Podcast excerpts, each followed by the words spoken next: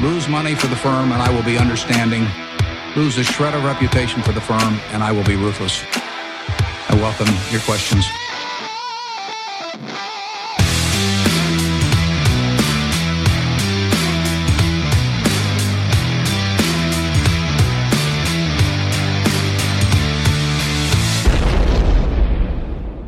Hej och hjärtinnerligt välkomna till Kvalitetsaktiepodden. Det är jag som är Ola. Det är jag som är Marcus. Ja, och det är jag som är Klas. Det här är avsnitt 127 som spelas in onsdag den 12 oktober men släpps eh, natten till to torsdag den 13. Mm. Sen senast är börsen i stort sett oförändrad efter en liten skjuts uppåt som kom av sig igen. Eh, många kvalitetsbolag har nu kommit ner rejält och under ytan är nedgången i många fall betydligt större än det vi ser i indexen som eh, dopas får vi väl säga av relativt starka bankaktier. Det här märks ju av i dagens avsnitt då, då vi tar upp två gamla godingar som inte varit med på länge och en nykomling som vi länge velat ta men vi tyckte att priset var alltför högt Mm. för att kanske orka göra jobbet. Och godingarna har ju också kommit ner då. Eh, till en nivå där vi tycker det är intressant att titta på dem. Eh, Ryssland då?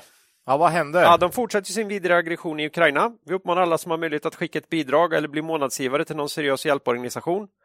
Eh, ja, med verksamhet som stöttar Ukrainas hårt prövade och tappra folk. Ukra Ukraina vi ser och vi glömmer aldrig. Det är inte lite konstigt att ryssarna säger att Ukraina är terrorister om man spränger på en bro och så skickar man in raketer i bostadsområden sen. Ja, ja, det är helt fantastiskt och sen använder man de filmerna för att påstå att det är aggressioner som sker från Ukraina mot ryska, in, ryska bosättningar i Donbass. Det Det är ja, det är magstarkt nu, men Det det, är det, också, det är propaganda för det egna folket också för att motivera, motivera det här vansinniga kriget. Mm. Det är konstigt. Eh, sen senast då har ju eh, hösten på allvar gjort, Gjort sitt intåg i mitt intåg. liv. Har ni upplevt något liknande? Ja, det får man väl nog säga. Vad skönt att vara ensam. Vi bor ju ungefär på samma ställe va? Ja. I, i, världen. Mm. Ja, då har jag ju passat på att inleda ett större renoveringsarbete till hemma då. Åh, herregud. Nu ska jag göra mer den här gången. Det är ett gammalt... Du eh, försöker själv höja hela BNP här under det här svaga... Ja, ja det är snyggt alltså. Hålla bygg under armarna. Ja, det är bra ja, Claes, ja, bra. Det är ett gammalt fuskbyggt uterum då som ska rivas Mhm. och ge plats till ett nytt. Och det här nya då är ju avsikten att det ska stämma med bygglovet, Mm. ha fungerande installationer och golvet ska inte gå att dubblera som studsmatta. Vilket inget av det, av det tidigare Gällde på det gamla gällde på det gamla. Nej. Nej. Så jag hoppas det ska bli mycket bättre. Och det här har jag ju beställt från Skånska Byggvaror då, det här Ja. nya uterummet. Det tror jag nämnt tidigare på Just det. Ja, men just det är bra. det. Skånska Det är Det här med byggvaror. att försöka lyfta inte bara BNP utan också bolag man själv är intresserad av. Då. Ja. Byggmax, here we go. Ja. Eh, ja, vad har ni utfört för stordåd sedan senast då? Ja, äh, jag, det enda jag riktigt känner att jag har gjort sedan sist är att jag varit på ett så kallat svenskt-finskt bröllop? Ja, i Stockholm. Finlands Eh, sak över år, ja. Mm. mycket trevligt får jag säga. Eh, det är ju härligt att kunna gå på bröllop igen. ja. Det var inte många under 2020 och 2021. Nej, Eller inget skulle jag vilja säga för, för min sen del. är vi ju kanske i en ålder där vi normalt inte går på så här jättemånga bröllop, men Nej, nu men var det- dags igen. Ja, det var det va? Mm, Min finska är ju inte vad den borde vara, Aj, eh, kan jag ju säga. vårt nordiska broderfolk. Ja, nej, om jag är dålig på danska så kan jag säga att jag är riktigt usel på finska faktiskt. Eh, Fick och- du panik någon gång och tryckte in ett partyoaita? Eller? Nej, jag fick inte det. Däremot så var det ju ett tal på finska som... eh, Nej, mm, är svårt, men man hörde när finnarna skrattade så man antog ju liksom att Och då var... skrattar du med? Jag försökte ju då hänga på glad. lite. Men toastmas... Toast madame Ja, det blir det om det var en Mm. tjej. översatte då en snabb översättning efteråt. Det där är klass. Det var klass, måste jag säga. Klassbröllop. Mm. Så förutom att det i allmänhet var ett väldigt trevligt bröllop så var det kanske det som, det som höjde det lite. Va? Mm. Man fick eh, sammanfattning av det finska talet. Va? Ja, fantastiskt. Mycket trevligt. Snyggt. Eh, mm. Ja. Ja, nej, men för mig är det snart dags för The International i Dota här igen. Då. Oj, oj, Det har gått ett år oj. sedan sist. Ja. Så att, eh, nej, jag är på ett lag som heter Liquid som tog sig vidare till huvudturneringen här via sista kvalturneringen idag faktiskt. Oj. Så det var kul. Mm. Ja. Så att, men, men det är ju lite synd, det är ju Singapore då. Så att eh, det här kommer ju gå ut över nattsömnen lite Det här kommer gå ut över eh, nattsömn. Ja. Ja, Och poddmanus eventuellt om vi har otur då. Ja, det det är vi. Det är lite som när svenskarna kvalar in till Australian Open. Va? Det är, man är glad, men det förstör Lite liksom jobbigt hela också. natt. Ja. ja, vi får Ja. se. ja.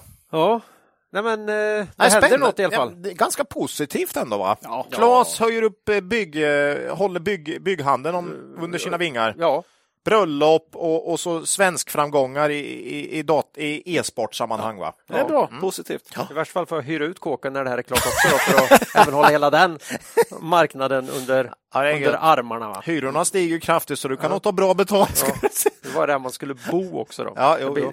Tälta. Ha, Eh, ja, eh, en person som jag råkar veta har ett riktigt fint uterum efter ett videomöte i somras. Mm. Det är Peter på Cavalier. ja, det är klart. Mm, det är klart va? Ja, ja, ja. Eh, för vi har ju som vanligt med oss vår huvudsponsor Cavalier AB här idag. Eh, I Cavalier förvaltar Peter och Håkan bland fonderna Cavalier Quality Focus och Cavalier Investmentbolagsfond. Tar vi en titt på Morningstar visar, den att, eh, visar det sig att Cavalier Quality Focus fortsatt är topp 5 bland fonderna i sitt jämförelseindex. Och med den här långsiktiga strategin eh, så har de ju aktier då i, i, i fonden. Det har gått olika bra kan man säga i det här tuffa börsklimatet som har varit här under året. Så är det ju. Eh, Men utifrån den, eh, sin strategi som man kan läsa mer om på hemsidan kavaljer.se så har de ju undvikit de värsta fallgroparna i till exempel övervärderat tech och eh, ESG-aktier som nu kommit ner rejält i många fall. Och istället har de ju bland annat aktier i bolag som Kindred och Betsson som är välkända för lyssnare av den här podden. Och de har faktiskt även tecknat sig för mer aktier i eh, Securitas emission här nu då. Och eh, det är spännande tider i Securitas och det ska Marcus, det ska du prata mer om senare, Så är det. Kul. senare i podden. Och eh, för de av lyssnarna som ännu inte månadssparar i fonder så är det aldrig för sent att börja. Ett kontinuerligt månadssparande över tid tar bort den förhatliga timingrisken. Men då ska man också komma ihåg att historisk avkastning i fonder inte behöver vara en indikator på framtida avkastning och att man kan förlora delar av sitt satsade kapital då fonder både kan gå upp och ner i värde. Tack säger vi till vår huvudsponsor Cavalier AB. Eh, vi vill ju som vanligt också tacka vår samarbetspartner Börsdata. Värdeinvesterarens bästa vän. Japp. Är ni inte medlemmar hos Börsdata än så blir det. Alla medlemsnivåer och priser hittar ni på borsdata.se pristabell. Eh, och tjänsterna, tjänsten i sig då, hittar man på borsdata.se terminal. Där har eh, alla tillgång till en utmärkt, ska vi kalla det en testversion eller en basversion. Eh, som eh, ja, ger ett bra smakprov på tjänsten och vad Börsdata har att erbjuda. Tack säger vi till Börsdata. Innan vi går vidare i avsnittet vill vi påminna våra lyssnare om att aktieinvesteringar alltid innebär ett stort risktagande. Aktier kan både gå upp och ner i värde. Satsa därför aldrig kapital på aktier som du inte är beredd att förlora. Det vi säger i podden ska aldrig betraktas som köp eller säljrekommendationer. Gör alltid din egen analys av bolagen innan eventuell handel. Ja, då är vi igång. Ja. Det. Eh, aktuellt. Ja. Macke, fire away. Jo, nej, men vi, vi var inne lite grann. Det har inte hänt så supermycket på index, men det har varit under ytan väldigt stora rörelser mellan dagarna. Vi, vi hade ju några dagar när börsen steg 7% utan Ja. att det gick att peka kanske på exakt vad som hände. Eh, Men å andra sidan så gör det ju inte alltid det. Eh, Och då är man ju glad att man inte är journalist som ska sitta i någon sorts tidning och berätta varför börsen rörde sig. Ja, Det blir alltid svårt. Det blir krystat. ja, man får gissa lite. För, för börsen rör sig ju många gånger bara. Och det går inte att säga exakt varför. Det finns ju mycket flockbeteenden där ute också som små, små saker kan starta stora saker. Ja. Sen, sen var det ju något som var lite nytt var de här ryktena kring en del banker. Credit Suisse och Deutsche Bank såg jag en hel del skriverier kring. eh, Att de skulle ha fått finansiella problem då. Eh, Det vore väl en halvsvart svan då, kanske, om de, någon storbank fick rejäla finansiella problem. Då. För det har vi liksom inte riktigt sett än. Den gjort det. eh, det brukar ju ofta komma i samband med, med större ras att någon bank sitter med svartepetter, några instrument eller några någon, någon som har investerat fel helt enkelt, eller ligger fel. Ja, Fel kunder, utlånat till fel aktörer. Ja. Ja, bara en sån grej. Och och det har varit så extrema rörelser på både räntemarknaden och Ja. eh, elmarknaden. Och det är ju marknaden med väldigt mycket derivatkontrakt. Och de har ju någon ställt ut och någon kanske lånat till någon som har ställt ut och så vidare. Så Det borde skörda offer. det borde komma någonting. Ja. Eh, Men men vi vet ju inte vart det skulle vara. Vi lägger inte för mycket kraft på det heller. Eh, Blir det så blir det, kan man säga. Eh, för vi har ju fortsatt lite grann som vi har gjort under senare tiden. Köpa lite svaga dagar, skala, skala av lite på starkare dagar. Men avvakta med att göra substantiella förändringar tills vi sett Q3-rapporterna. Då. Spännande. Sen brukar vi alltid säga inför varje rapportperiod, det blir mer spännande än vanligt. Och det är det ju nu med. Mm. Gör vi inte det någon gång? Ja, det blir lite som när man var det när Kina hade OS? Det var liksom första gången de sa att det inte var det bästa någonsin. var det inte det? Ja. ja liksom, då är det en, en stor sak. Va? Är det- Ja. Ja, vi får se när vi, om vi någon gång kommer sitta och säga nej den här rapporten blir inte så kul. Det, det är inte så intressant. För Nej. Nu vet vi allting. ja. Nej, men det blir väl som vanligt att det är mest kommentarerna framåt då, så, som man, alla kommer titta på. Ja. Det brukar ju vara så. Eh, sen ska man med sig att man, börsen har kommit ner så att förväntningarna är ju lite lägre. Mm. Men, men är de tillräckligt låga? Precis. Eh, vet vi, det får vi se. Men, men det är ju skönt i alla fall med lite fokus på bolagen. Mm. Ja, det och, gillar vi. och deras utveckling och inte bara makro som det har varit kanske ganska lång tid nu. Eh, framåt. Så. Ja, precis. Eh, alltid skönt med bolagsfokus. Du hade något om Bet Betsson där, va? Ja, vi går över till bolagsnyheter då. Ja. Börjar- Avsnittets iGaming direkt. Ja, vi, vi plockar den direkt för den var ju kul. Ja, det var ju bra ja. ja, den var riktigt kul faktiskt. Ja. Då får de med i början. ja. Nej, men det var ju 6 oktober. kom ju Betsson med en vinstuppjustering då. Fortfarande svårt att få igenom det alltså, på marknaden. Ja, men vi lyckas kanske i podden då. Det är bara att mata på med vinstuppjustering. vet Jag har sett en hel del av uh, lyssnarna som på Twitter och sånt som skriver det, så det är bra. De, de, de kan. Ja. Så i våran lilla filterbubbla så är det, Ja. det bli mer och mer etablerat. Det börjar bli mer etablerat. Det är så jävla bra. Eh, nej, men Betsson var ju upp 10% Det var ju kul.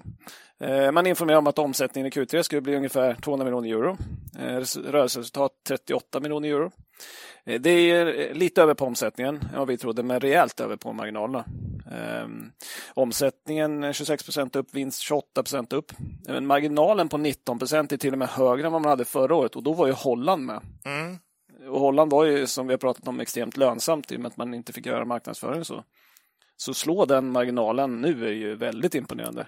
Betssons vinstutveckling är ju väldigt imponerande över tid, måste man ju säga.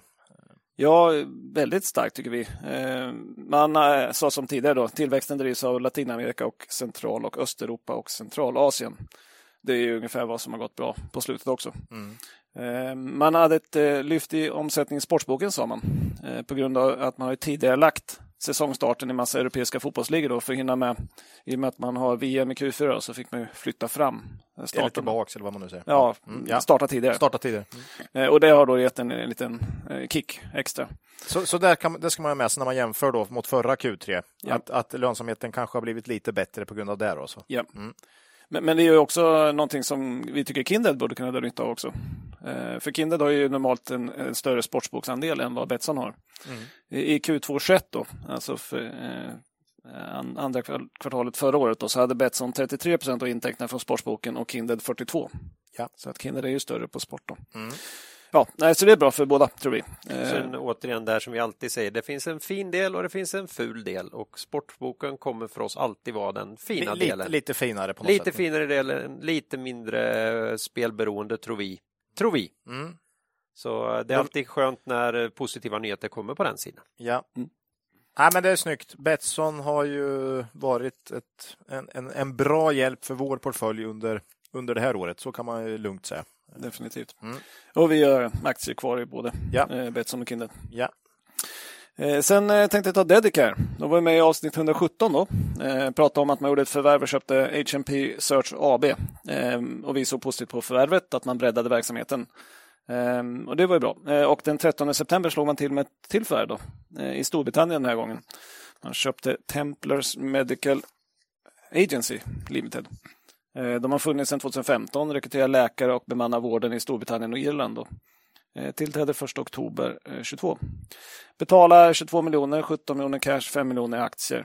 Eh, sen fanns det en tilläggsköpeskilling som baserades på resultatet 23-24, men man sa inte hur stor den var. Tyvärr då. Eh, de omsatte 45 miljoner, rörelsemarginal på 11 procent, så högre än Dedicare. Eh, har vi pratat om tidigare, det är positivt när man ö- ökar eh, lönsamheten genom förvärv. Då. Eh, Ökar omsättningen med ungefär 3% vinsten lite mer, 5% kanske. Eh, Betalar PS, alltså price to sales, 0,49. Dedicare ligger på 0,53. Så att Ja. Inline. inline, trots att det är bättre lönsamhet i Templars. Så, eh, dock vet vi inte som sagt hur stor tilläggsköpeskillingen är, men positivt med breddning och vi äger fortfarande aktier i Dedicare. Ja, Det ska bli en spännande rapport också. riktigt intressant eh, faktiskt. Eh, gillar ju Dedicat, just att de breddar sig också, olika länder. Mm. Viktigt. Eh, ja, jag kan ta, kan jag ta nästa? Ja. Då? Mm. Jo, jag skrev så large cap-bolaget BHG Group. Mm. Eh, eller ska jag säga numera snart small cap-bolaget BHG Group. Eh, nej, det har ju verkligen gått från eh, just under det här året Mm. är det ju, det, det är brandat som large cap, ligger på large cap men är ju snart nere på small cap eh, Storlek. börsvärde. Då. Aktien är ner 85 procent i år. Då. Är det utan att passera midcap också? Ja, man har ju liksom rutschat igenom hela midcap här under, under året kan man säga. Mm. Det är som ett monopol, man får gå förbi allting för att gå. Ja, eh, gå till fängelse, gå direkt till fängelse utan att passera gå, brukar man ju säga. Eh, Det är hårt. Det är hårt. Eh, jo, men man kom faktiskt med en vinstvarning här idag. Då. Ja. Eh, eh, dock, en väldigt intressant grej är att aktien steg. Mm. Det är ju inte jätteofta man ser eh, kursuppgång på vinstvarningar ändå. Men vi satt och diskuterade i morse, hur kommer det här ta sig ut det, egentligen? för det här släpptes ju igår då, Ja, efter att- stängning. Efter stängning. Så eh, ja, man kände nog ändå lite att den, det, det, var, det var inte helt osannolikt att den skulle gå upp, för den har ju tappat så fruktansvärt mycket. Och en av de stora grejerna med den här, eh, det här pressmeddelandet var ju att man har eh, förhandlat med banker och kommit fram till lättnader vad avser bolagets kovenanter då. Mm. Eh, Så även om vinsten i Q3 kanske var en besvikelse då, för omsättningen tyckte vi var ändå helt okej. Eh, Lägre organisk minskning än vad det var i Q2. Men just att de har kommit fram till liksom lättnader här vad, de här konvenant, vad gäller konvenanterna fram till slutet på 2023 gör ju ändå att man känner att den här nyemissionen som vi nästan har räknat med kanske eventuellt skulle kunna klara sig här om de nu kan tugga på med ett vettigt kassaflöde under eh, ett år här. Eh, beror ju lite på konjunkturen såklart. Vi lär ju, det lär ju inte bli mycket nya förvärv här. Eh, hoppas vi inte. Nej, man, Eh, man vet ju aldrig med den här typen av bolag. Nej, eh, men det, det lär man nog inte göra om Nej. man ska beta av på skulden här. Va? Men, men, men mm, ja, lite intressant faktiskt. Eh, och ett tecken lite när bolag går upp på vinstvarningar. Då har man tappat hårt alltså. ja, Eh, ni eh, funderade ju lite på det i förra, mm. förra podden, om inte det kan vara så att nu är läget när inte dåliga nyheter behöver vara så himla dåliga Nej, eftersom marknaden har prisat in så mycket så att eh, och ett, vi brukar säga lite det, ett dåligt utfall är ändå bättre än ett svart hål. Det här att man vet inte alls, då kan man, då kan man du vet de här spökena man kan fantisera om eh, om man inte vet va. Men när det är tänt och man ser alla problemen klart, ja, då vet du ändå ungefär va. alltså, Så det ser jobbigt ut men Ja, men vi har ändå, eh, vi, vi kan ändå se hur jobbigt det blir. Ja, Eh, ungefär. Nej, men många, det är uppenbart att många marknader har lika, lika bra fantasi när det gäller att hitta på riktigt jobbiga scenarion som man hade att hitta på orimligt bra Ja. scenario på toppen. Ja. Och det är faktiskt lite så det är just nu. Och en hel del bolag har, har kommit ner så, eller aktier då, har kommit ner så mycket så att jag tror nog faktiskt att vissa rapporter som ser svaga ut ändå kan eh, leda till positiva utfall alltså eh, på kursen. Det blir väldigt intressant att följa i rapportperioden nu. Ja, verkligen. Inte bara vad man presterar utan även vad börsen gör med det så att säga. Apropå eh, bygg, ja, bygg hemma. Eh, de har ju döpt om sig till BOG Group och det gjorde de ju just under den här peak, vilket vi hånar lite här också har jag för mig i något gammalt avsnitt. Men eh, när jag gick tillbaka och lyssnade på vad vi hade sagt om eh, Byggmax då framför allt, men också lite bygg, eller BHG Group då, eh, så var det faktiskt i avsnitt 85 eh, där vi kallade avsnittet för P40 på toppvinster. Frågetecken. Blink, blink. Ja, det här är från februari 2021 det avsnittet. Då var det faktiskt just bygg... eh, Då hette de nog Bygg hemma, så det var... Mm. Eller det var någonstans där. BHG Group vi avsåg med Ja. titeln där. Där vi ifrågasatte värderingen på 20 miljarder. Mm. Nu värderas BHG Group till knappt 2 miljarder, minus 90 procent sedan det avsnittet.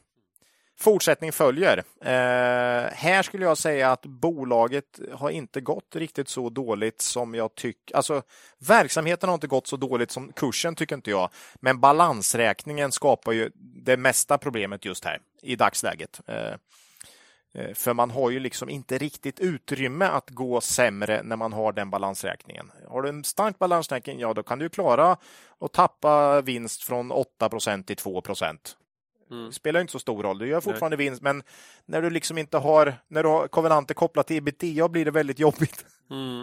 Att, Kovenanter, vi- lånevillkor. för- lånevillkor, för ja. För dem, ja. Eh, spännande det här med BOG Group tycker jag. Jag tycker det, det är något man ska ha med sig här. Att de ändå stiger på en vinstvarning. Mm. Eh, kursen har slaktat så hårt här så. Mm. Och att man kan komma ner 90 procent från toppen. Ja, det kan man också säga. P40 på toppvinster är sällan eh, bra. Det var ingen bra igång, idé den här gången heller. Nej. Nej. Precis. Inte den här gången heller. Mm. Eh, fortsättning följer vad gäller BHG.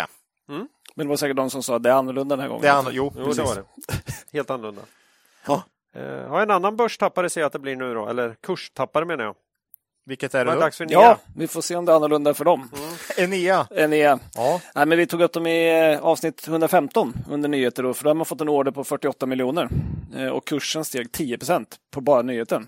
Eh, På negativ börs den dagen och vi sa att det här är nog lite överreaktion. Det en... men det var 2021 det, eller? Nej, det var, inte, var inte så länge sedan, men Nej, det, okej. det, det känns som väldigt länge sedan. Ah, Okej, ja, ja. Eh, Men men, eh, ja, vi, vi sa att det är någon liten överreaktion att gå upp 10 på, på en sån nyhet. Mm. Eh, Det är intressant nu då att 30 september så informerar de att man fick en order på 36 miljoner. Då.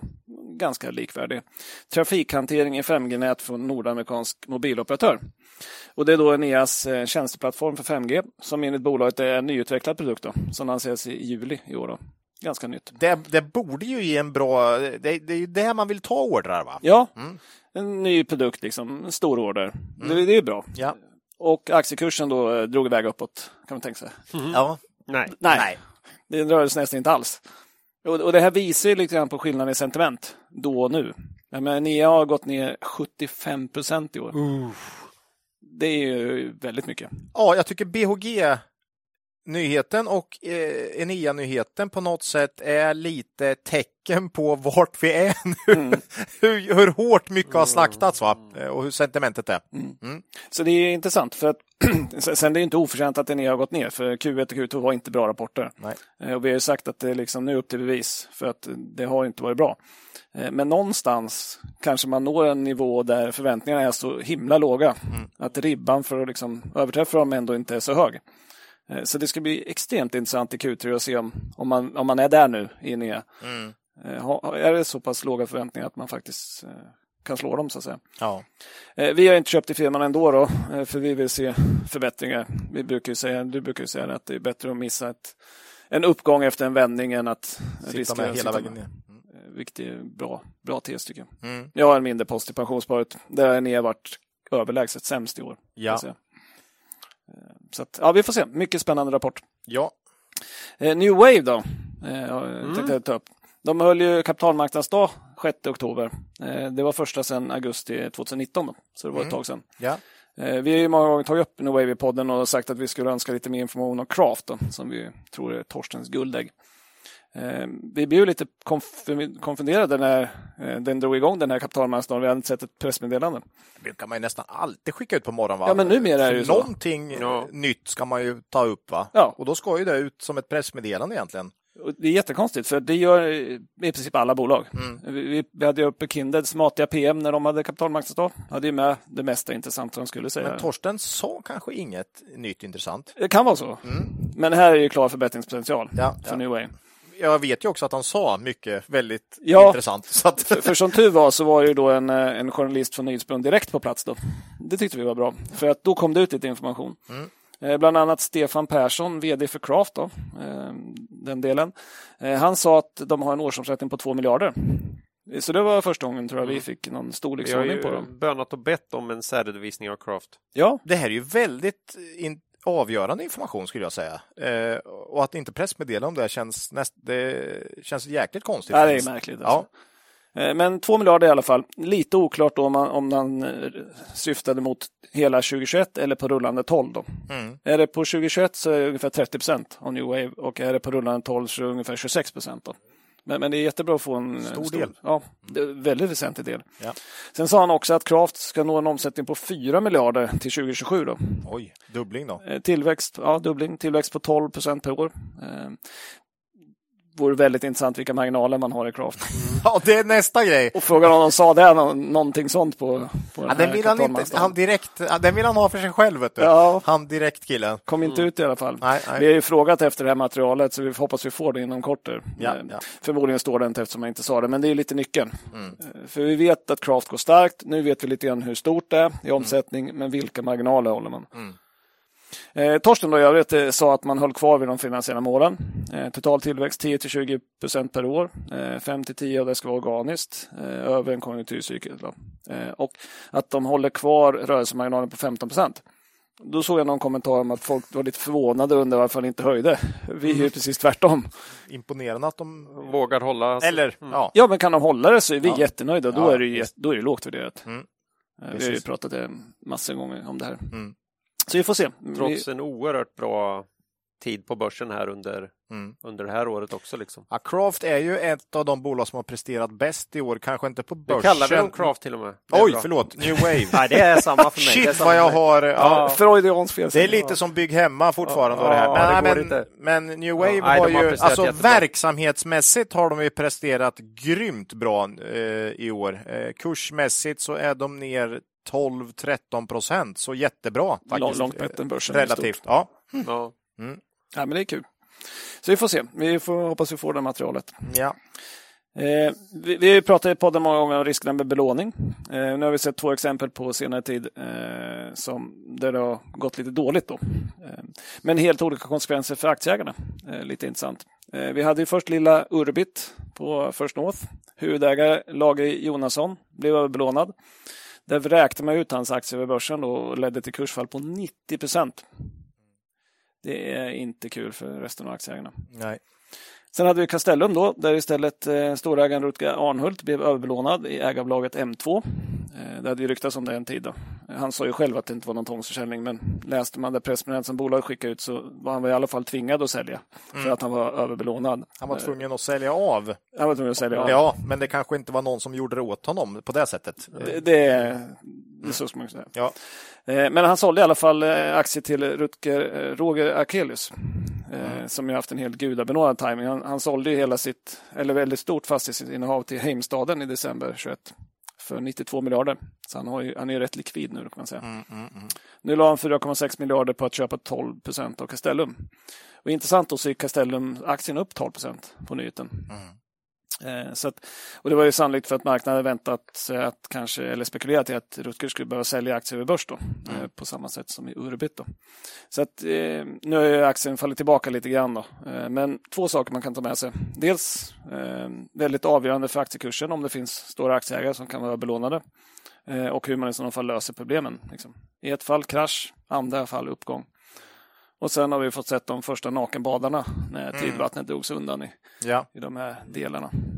Mm. Och kanske, förut, och- förutom offren här då, eller nakenbadarna, så är det ju också att Akelius kanske framstår som årets kung än så länge då, Ja, verkligen. på något sätt. Eh, Ja, han var ju... Ja, alltså han är ju också... Nu, nu, nu ska jag vara lite försiktig för jag vet inte vilka våra största filantroper är på riktigt, men han måste vara en av de absolut största filantroperna alltså, som, som tar av sitt goda affärssinne och skänker. Warren Buffett är ju en annan sån, eller till mm. exempel. Och, Ja. eh, Bill Gates och de här, men han är ju Sveriges eh, absolut tydligast lysande stjärna där och han gav ju ett enormt bidrag i inledningen eh, till Ukraina. Inledningen av kriget. Han dubblar och väl också dubblade, många- Mm. eh, minst en insamling, stor insamling i alla fall. Ja, den tog vi väl upp här i podden. här Ja. Mm. Eh, så nej, jag tycker att han, ja, vilken lirare. Hatten av! ja. Det får man säga. Både som människa och som investerare blir man ju vansinnigt imponerad. Alltså. Ja, kul. Eh, nej, men bra Macke, det är såklart ett exempel på varför vi alltid avråder från belåning och vi avslutar ju alltid podden med de här bevingade orden. Mm. Eh, att man inte ska bada naken och det här va? Börjar bli allt mer Men, aktuella. eh, Ja. Med konjunkturer som är liksom 13 år långa så är det inte så ofta vattnet drar sig tillbaka. Nej. Så eh, vi har fått vänta lite här. Det jobbiga är att det gör det ju förr eller senare. Det, Ja. går, det går tills det Nej, inte ja, går längre. Ja, ja, det är alltid så. Ja, precis. Och ibland kanske det går tio år, ibland går det två år. Eh, men det går tills det inte går längre på något sätt. Och ska man, och ska man leta efter var, var det kan finnas sådana här nakenbadare så behöver man titta på folk som uttalar sig om hur de ser på risk. Ja. Det är allt jag vill säga. Och förutom det här med belåning så har vi även det här med fastigheter här då. Japp. För där får vi ibland frågan varför tar ni aldrig upp fastigheter? Och nu har fastigheter tappat 70 procent här. Ni måste börja prata. Vi har berättat i podden ju varför tycker jag vi aldrig investerar i fastigheter och jag tycker i år är ett tydligt exempel på varför vi inte gör det. Och, och för oss, om vi ska ta det igen här då, fastigheter är för, enligt oss i mångt och mycket ett spel på balansräkningen. Eh, medan vi ju i vanliga fall, i alla de bolag vi pratar om här, där försöker vi ta bort balansräkningen i ekvationen och bara fokusera på resultaträkningen. Ju. Japp. Eh, Ett obelånat bolag som säljer produkter, säg eh, skiftnycklar, då sitter man och funderar på hur många skiftnycklar kan de sälja nästa år och till vilket pris? Det är det som vi försöker lista ut. Alltså värderingen av ett fastighetsbolag bygger för, först och främst på hur bolagets fastighet värderas. Och hur värderar man de här fastigheterna? Ja, det styrs ju väldigt mycket av räntan. Det vill säga fastigheter blir ju ett makrospel. Det blir väldigt tydligt i år också Ja. att, att det faktiskt är räntan, även om man har sagt att oh, men det är annorlunda nu. Men, Ja. men det visar sig ju nu att räntan är ju rätt viktig. Så att eh, vi gillar inte balansräkningsbolag, det vill säga där balansräkningen är huvudanledningen till, eller liksom det som egentligen styr värderingen. Eh, det är en sak och den andra är att räntan är ju oerhört väsentlig för fastighetsbolagen och det blir ju ett makrospel vi inte vill spela. Så att där har ni igen. Nej. Och vi har begränsat oss för vi är inte bra på det. Så att, Nej. Så, Rä- Räntor, råvaror, valutor. Vi har ingen aning vart de är på Nej, väg. räntor, råvaror och valutor. Så inga, ja, det är därför fastighetsbolag eh, inte är med i den här podden. Då. Nej. Så att, nu vet ni det igen. Mm. Det är jobbigt nog med påverkan i, i bolagen vi försöker. Ja, det är ju svårt nog. Ja. Mm. Eh, precis. Så men då vill man inte ha det som enda variabel. nej, Nej. precis. Det, är li- ja, men det blir lite det här investera i guld eller ännu värre olja. Där är ju oljepriset ganska avgörande för oljebolag. Då. Så. Mm. ja Det om det. det var, var det aktuellt? Det var aktuellt. Ja, Det var inte dåligt. nej. Eh, fyra bolag idag då, så vi drar väl igång här. Det Mm. är Gamla godingar. gamla och... godingar och en riktigt intressant nykomling Ja. som Marcus ska börja med här. Mm. Ja, Det blir nämligen Bergman och Beving. Det här är en institution på svenska börsen som noterades eh, redan 1976. Eh, en industrikoncern, och då hade den varit igång hur länge som helst, det kanske du vet. Nej, Tidigt ja. 1900-tal är det ifrån i alla fall. Ja. Eh, en industrikoncern med förvärvsagenda och en rad kända avknoppningar i bagaget. Och eh, även den här aktien har kommit ner rejält sedan toppen i pandemihåsen. så det. Nykomling i podden. Mm. Ja. Bergman och Beving, fast vi kommer säga B och B. Mm. För att det är för långt att säga Bergman och Beving hela tiden. Ja. Eh, nej men som sagt, noterad sedan eh, 76 som du sa. Genomgått väldigt stora förändringar. Så det är inte riktigt samma bolag hela tiden. Här då. Man, börjar, man knoppar bland annat av Lagerkrans och Adtech eh, 2001. De har ju gått väldigt starkt på börsen. Herregud, om man haft kvar alla de här avknoppningarna i sin portfölj, shit vilken utveckling man har Då haft. har i det blivit riktigt bra. Ja, För Adtech har ju knoppat av Adlife också. just det. Så, så att om man har kvar alla de här aktierna så Ja. är det riktigt bra. Sen har ju de haft tufft i år då, när inte serieförvärvare har varit lika positivt. Men om man tittar över en längre period så har det fortfarande varit, gått väldigt bra. Där kan man ju se att under, under förra året så skulle alla försöka få med att de var serieförvärvare. Ju. Mm. I år eh, försöker ju bolagen lite hymla med, Med att att, de har det som affärsmodell. Att, att det är mer är mm, tilläggsförvärv när det känns rätt, va? Ja. är det nu. Men förra året var det vi försöker eh, få med Men, som... eh, åh gud, vad heter han, analytikern? Du skickade ett jätteintressant klipp här på Youtube för ett tag sedan. Eller förra veckan. Eh, vad heter han? Eh, jag vet inte ens. Malmqvist. Ja, Ja, Peter Peter Malmqvist. Malmqvist, Ja. ja, Mm. Eh, där han säger att det är nog en anledning till att Stockholmsbörsen har gått så fruktansvärt starkt. Att man vågar göra de här avknoppningarna, att de här bolagen får vingar och mår så mycket bättre Ja, ja. att få styra sin egen, sitt eget öde. Och jag tror ju att, titta på B&B här, jag tror att det kan vara sant. Det kanske inte alls hade blivit så stora så Ja, eh, stora nya koncerner om, in, om inte man hade knoppat dem. Alltså. Nej, det kanske hade dött eller inte Utvecklingen alls. på Stockholmsbörsen pekar på att det kan vara så. Ja, kolla, Macke ska ju ta Securitas sen, men Ja, har du ju också. Ja. Jag har två bolag som är väldigt lika Ja. på det här Ja, sättet. ja. Att, eh, Nej, så det är jätteintressant. Vi har inte pratat så mycket om Nej, den här det har vi effekten i, inte. i podden historiskt. Men, eh, Nej. Men här är som sagt två exempel idag som är väldigt typiska på att man har knoppat av bolag som har lyckats väldigt bra själva. Ja, Lite tråkigare då för kvarvarande mamman då. För det har inte gått lika bra. Nej, nej. Eh, om vi går sen 2017 då, 15 juni, så tog man sista steget då. Eh, då knoppade man av eh, Momentum Group då. Mm. Eh, och det man gjorde var att man spann av återförsäljarledet till, åter, återförsäljarledet till Momentum och kvar hade man produktbolagen och grossisterna då i Bergman och Beving. Eh, Aktiekursen stängde på 146,50 den dagen. Gick svagt i pandemin, fick som mycket annat fart i pandemin. Toppade på 172 kronor i augusti 21, men har sedan gått ner ordentligt. Bara i år 45 procent ner. 83 kronor. Men man har ju då också tappat 43 procent på fem år som enskilt noterat bolag. Oj. Det är inte bra. Ja, det är inte kul. Inte alls kul. Så att, ehm, Ändå tycker vi utvecklingen... Men vi kommer Ja, komma till att ja. det, det finns lite positiva grejer på slutet här. Mm. Eh, Men underkänt som helhet för, för, för B&B. Ja. Ehm, Men positivt nu då, värderingarna kommer ner och det pågår en intressant omdaning i bolaget då, som gör att det är lite intressant att ta upp det i podden nu tycker vi. då. Ehm, Men de är nya, så lite mer omfattande genomgång. Då. Ehm, Tittar man på dem på börsdata, som vi alltid gör, eftersom vi använder börsdata, eh, så måste man justera för utdelningen i momentum då, som jag talade om, för den stökar till jämförelserna. Eh, Den skedde i juni 20- 2017 och förklarar det stora tappet i omsättning mellan ar- eh, 17 och 18, eller 18 till eh, 17 till 18. Eh, Utdelningen gjorde även att vinst per aktie blev väldigt hög 2018 och det beror på att marknadsvärdet som börsen satte på Momentum var mycket högre än vad man hade i böckerna eh, i, i BOB då. Ren bokföringsteckningspost eh, som inte kassaflödespåverkan in, kassaflödespåverkan är ingenting att lägga stor vikt vid, men man måste känna till den om man ska titta på den så att säga. Man har en omsättningstillväxt på 4% per år sen man delar ut momentum. Det är ju inte jättehögt. Ehm, Lite speciella år kanske. Lite speciella år. Men det finns en effekt också av att man eh, delade ut momentum och då hade ju momentum en möjlighet att köpa, inte bara från B&B. Eh, Så inom affärsområdet Tools då hade man stora garanterade volymer till momentum återförsäljardelen då.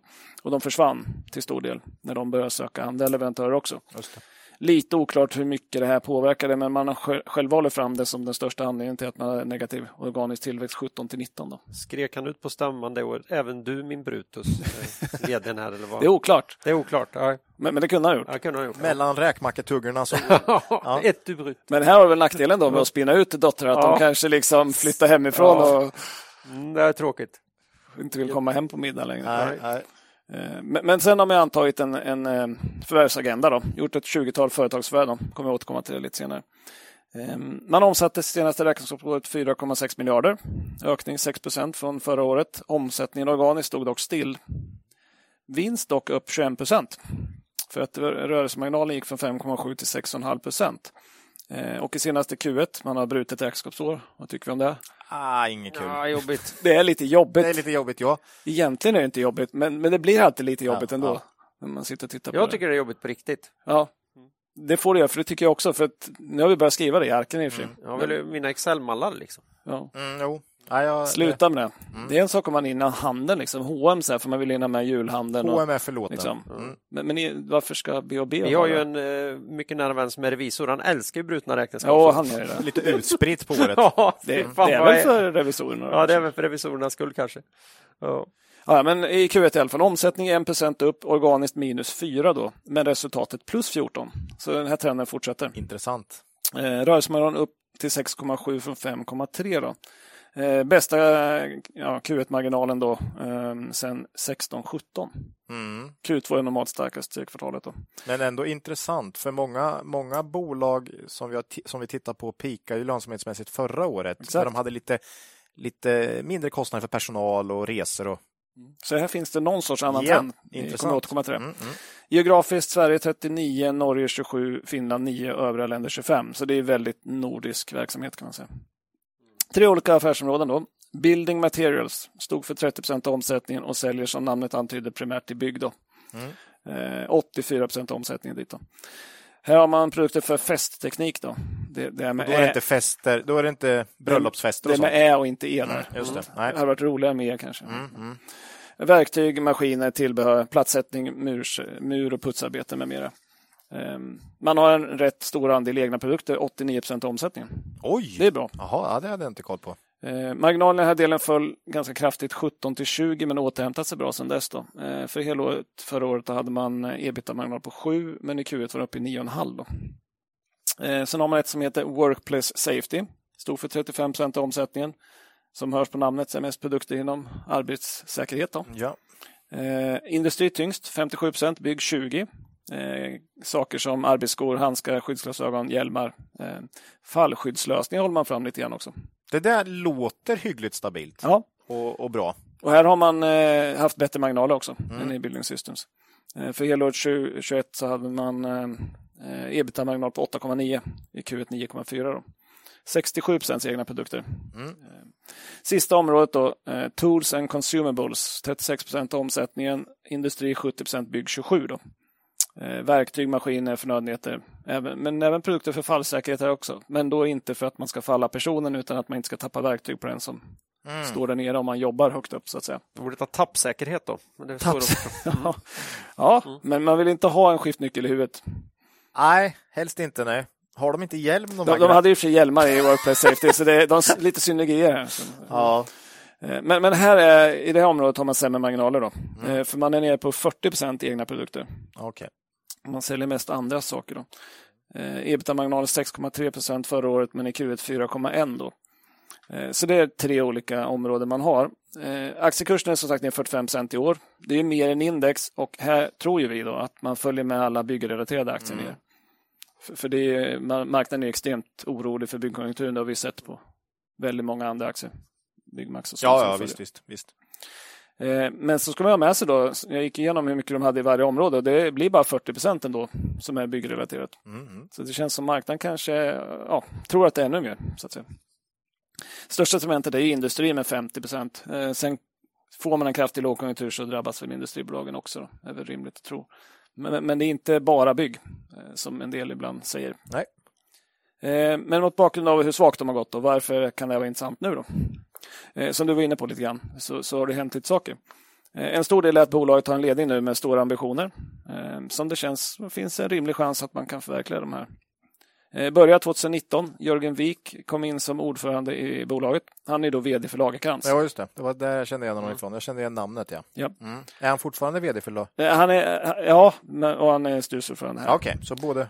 Eh, Och han rekryterade sen i maj 2021 då in Magnus Söderlind som hade ansvar för affärsutveckling och förvärv, M&A på Lagerkrans som ny vd för, för B&B då, Det är liksom bara gamla avknoppningar från den här koncernen som, som hoppar. som hoppar tillbaka. Men alltså det här är ju The Apprentice has succeeded the master. Det är ju, Ja. det är ju Stjärnornas krig rakt över här. Ja, Mm. men så kan det vara. Ja. Mm. Yoda har tappat lite.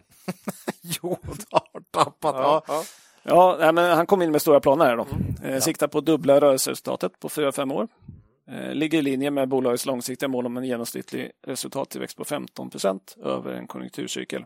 Ja, just det. Har de vinst per aktie? Nej, de har inte vinst på Nej, aktier. jag för, eh, men 15 procent vinstökning. Vinstökning. Ja, ja. Ehm, Men, men de använder inte jättemycket aktier. Nej. Eh, De köper oftast med cash. Eller alltid. Jag är lite osäker på om de har betalat någonting med. Men, men idén med de här riktiga bra serieförvärven är att man köper för kassaflödet. ja. Och därmed inte späder ut det. De, de dåliga förvärvarna eller serieförvärven är ju de som ger ut en massa aktier också och inte ökar vinst per aktie. Oerhört intressant. Det här försvann lite under pandemin Ja. eller senaste åren med nollränta. Det har liksom, det försvann. Det här För då att- blir det också diskussion att man är så högt värderad egen aktie. Det är bra att betala med den. Liksom. Ja, nej, så att, eh, men det är, ofta, det, det är de som har tappat, många av dem har tappat jäkligt hårt. Mm. Här kan man ju Ja. tipsa lite om eh, Affärsvärlden eh, skrev, skrev lite grann om Bensons krönika började med, eh, där han skrev lite grann om eh, affärsstrategier. Kanske man inte ska titta på mycket vad han skrev om Inwido, utan han ska titta på det han skrev om Storskogen. Man kan läsa Inwidos svar i Ja, också. Inwidos svar också, men eh, det var inte dit jag ville komma, utan eh, han skrev om Storskogen där och där finns det också länkar till det man gjorde, skrev i somras en hel del om Storskogen Mm. och deras Strategi. Deras strategi och förvärvsstrategi där man då ser att jo, men en väldigt, väldigt högt värderad aktie. Det är jättebra att använda den för förvärv. Ja, men vilka är det som är beredda att ta betalt i en sån aktie? Är det folk som sitter på guldägg oftast? Kan man fundera på. Eh, har du ett guldägg vill du nog ha betalt i cash va? Så, eh, och det kanske har visat sig lite grann där, så att det är inte det här givna att, för jag skulle säga det att då kan man ju tycka att men, om du är jättehögt värderad, då är det klart du ska betala i aktier. Ja, det är fortfarande mycket bättre att kunna betala i cash. Ja, över tid så Över vill man ju tid. som aktieägare i Indutrade eller Lagerkrans Tjäna in pengarna liksom. liksom mata på för att få högre vinst per aktie, för det är ändå det som ger. Nej, det, Och det är väl det som är lite fascinerande. Men om vi tar liksom Indutrade och de här. Mm. De, de, de körde ju på ungefär som de har gjort tidigare. Det var bara att börsen helt plötsligt värderade upp Ja, dem. det var ju inte deras på något sätt vi ändrar, Nej. utan de bara tuggar ju Nej, på. men man, det är klart man ska nyttja det. Ja, men, men, men visst, Men ta in cash då. samtidigt som BOG gjorde på toppen gjorde en nyemission där uppe. Det var Men, ju... men jag tror inte många av de här eh, riktigt fina eh, förvärvarna där gjorde massa emission utan de körde på som Ja, tidigare. ja. Och så värderade börsen upp dem. Blir- Och sen kom det en massa kopior som, som Ofta kan Ja. man ju skicka med en liten mängd aktier för att du kanske vill behålla Ja, ja, men det är något annat. eh, intresset ifrån eh, Det kan ju bli dotterbolagsstrukturer, det är earnouts och annat och då vill du binda 5 procent, 10 Ja. procent betalas med aktier. Mm. Ja, intressant. Men eh, som sagt, man, eh, man, har, man har höga mål. Eh, och eh, ska man lyckas med det här så måste man få upp rörelsemarginalen. Man har haft svaga 5,9 procent i snitt fem år tillbaka. Eh, man säger att det ska ske lönsamhetsförbättringar i de bolag man redan äger. Till exempel genom att sätta vinstfokus lite mer över omsättningstillväxt. Fasa ut volymaffärer med lägre marginaler. Stärka decentraliseringen och intensifiera målstyrningen, säger man. Eh, det ska dock också ske via förvärv och då ska man köpa bolag som har högre lönsamhet från början. Eh, här har man sagt att man ska göra kompletterande förvärv till de bolag man har, men de får bara förvärva om man når de mål man har satt upp tidigare. Så att det blir de dåligt presterande bolagen ska höja lönsamheten, sen får de förvärva. Bara de bra får förvärva. Lite intressant. Mm. Och I bästa fall så liknar den här situationen lite grann när Johan Strid kom in i Prevas och Mm, vände runt det bolaget. Det var ju en sån riktig turnaround. Fantastisk resa. Vi, vi tog upp det i, i avsnitt 109, kan man lyssna in på lite grann. Eh, för där tog man ju Prevas från usla marginaler till riktigt fina marginaler. Det var ju ett intressant case, för du har ju till och med slutat titta på det.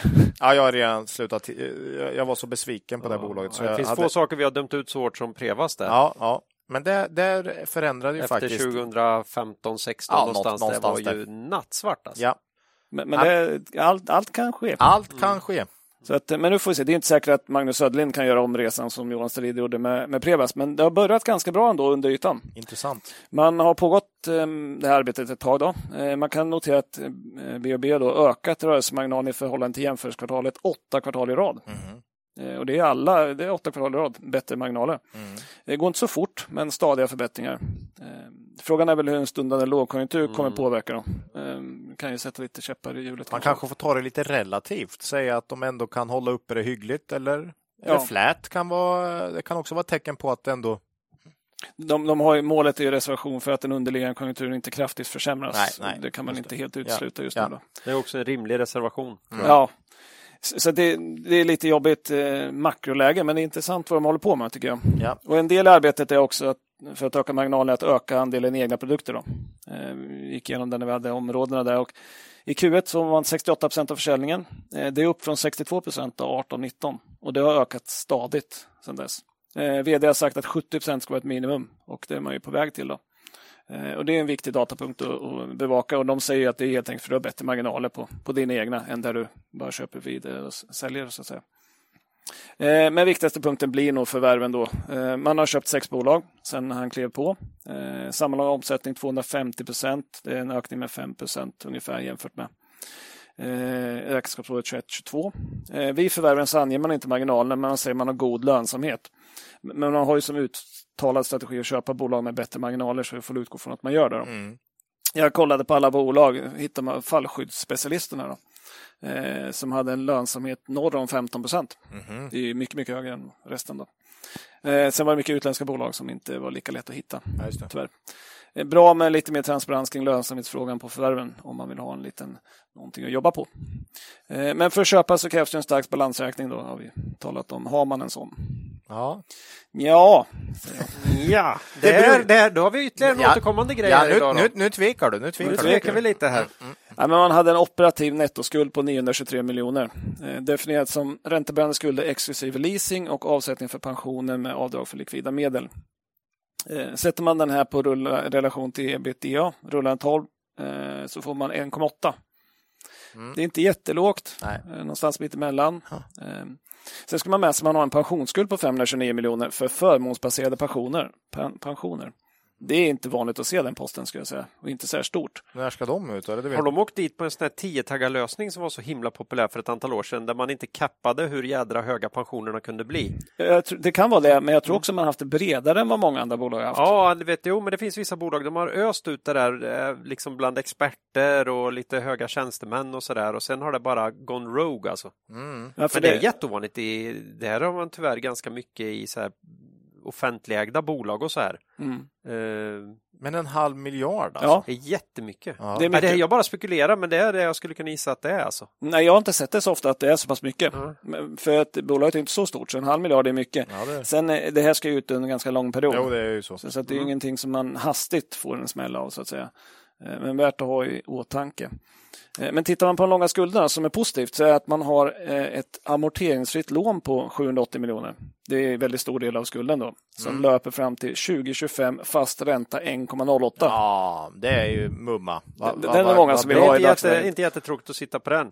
2025 1 procent. Ja, amorteringsfritt. Tack för den alltså. Så att eh, den, det var bra av eh, CFO där som Ja, fixade till ja. det. De kanske ska passa på att amortera lite ändå. Ja, Nej, de får amortera Nej, det vill andra vi inte att de de får amortera andra lån. nej, nej. Så att, eh, nej, men det gör väl att finansiella situationen ändå är helt okej. Ja, I och med att ja. man har en så stor del av lånen på, på så bra villkor. Eh, rullande 12, vinst 7,8 eh, kronor per aktie. Eh, nuvarande aktiekurs 83 kronor ungefär när vi gick in i studion. Ger P 10,6. Det är klart under snittet. Ja. Eh, 10 årssnittet 14,7, 5 år 15,8 då. Så bra bit under. Och då säger marknaden antingen ska ju värderingen vara klart lägre än historiskt eller så ska vinsten ner ordentligt. Mm. Och det är ju frågan vilket det är. Kanske en kombination. Kan vara en kombination också. Ja. Eh, Penser har bevakning av de här. Då. Eh, de har en prognos för året på 8,3, det vill säga upp lite grann, och nästa år 8,8. Eh, ingen nedgång där inte. Eh, P 10 respektive 9,4.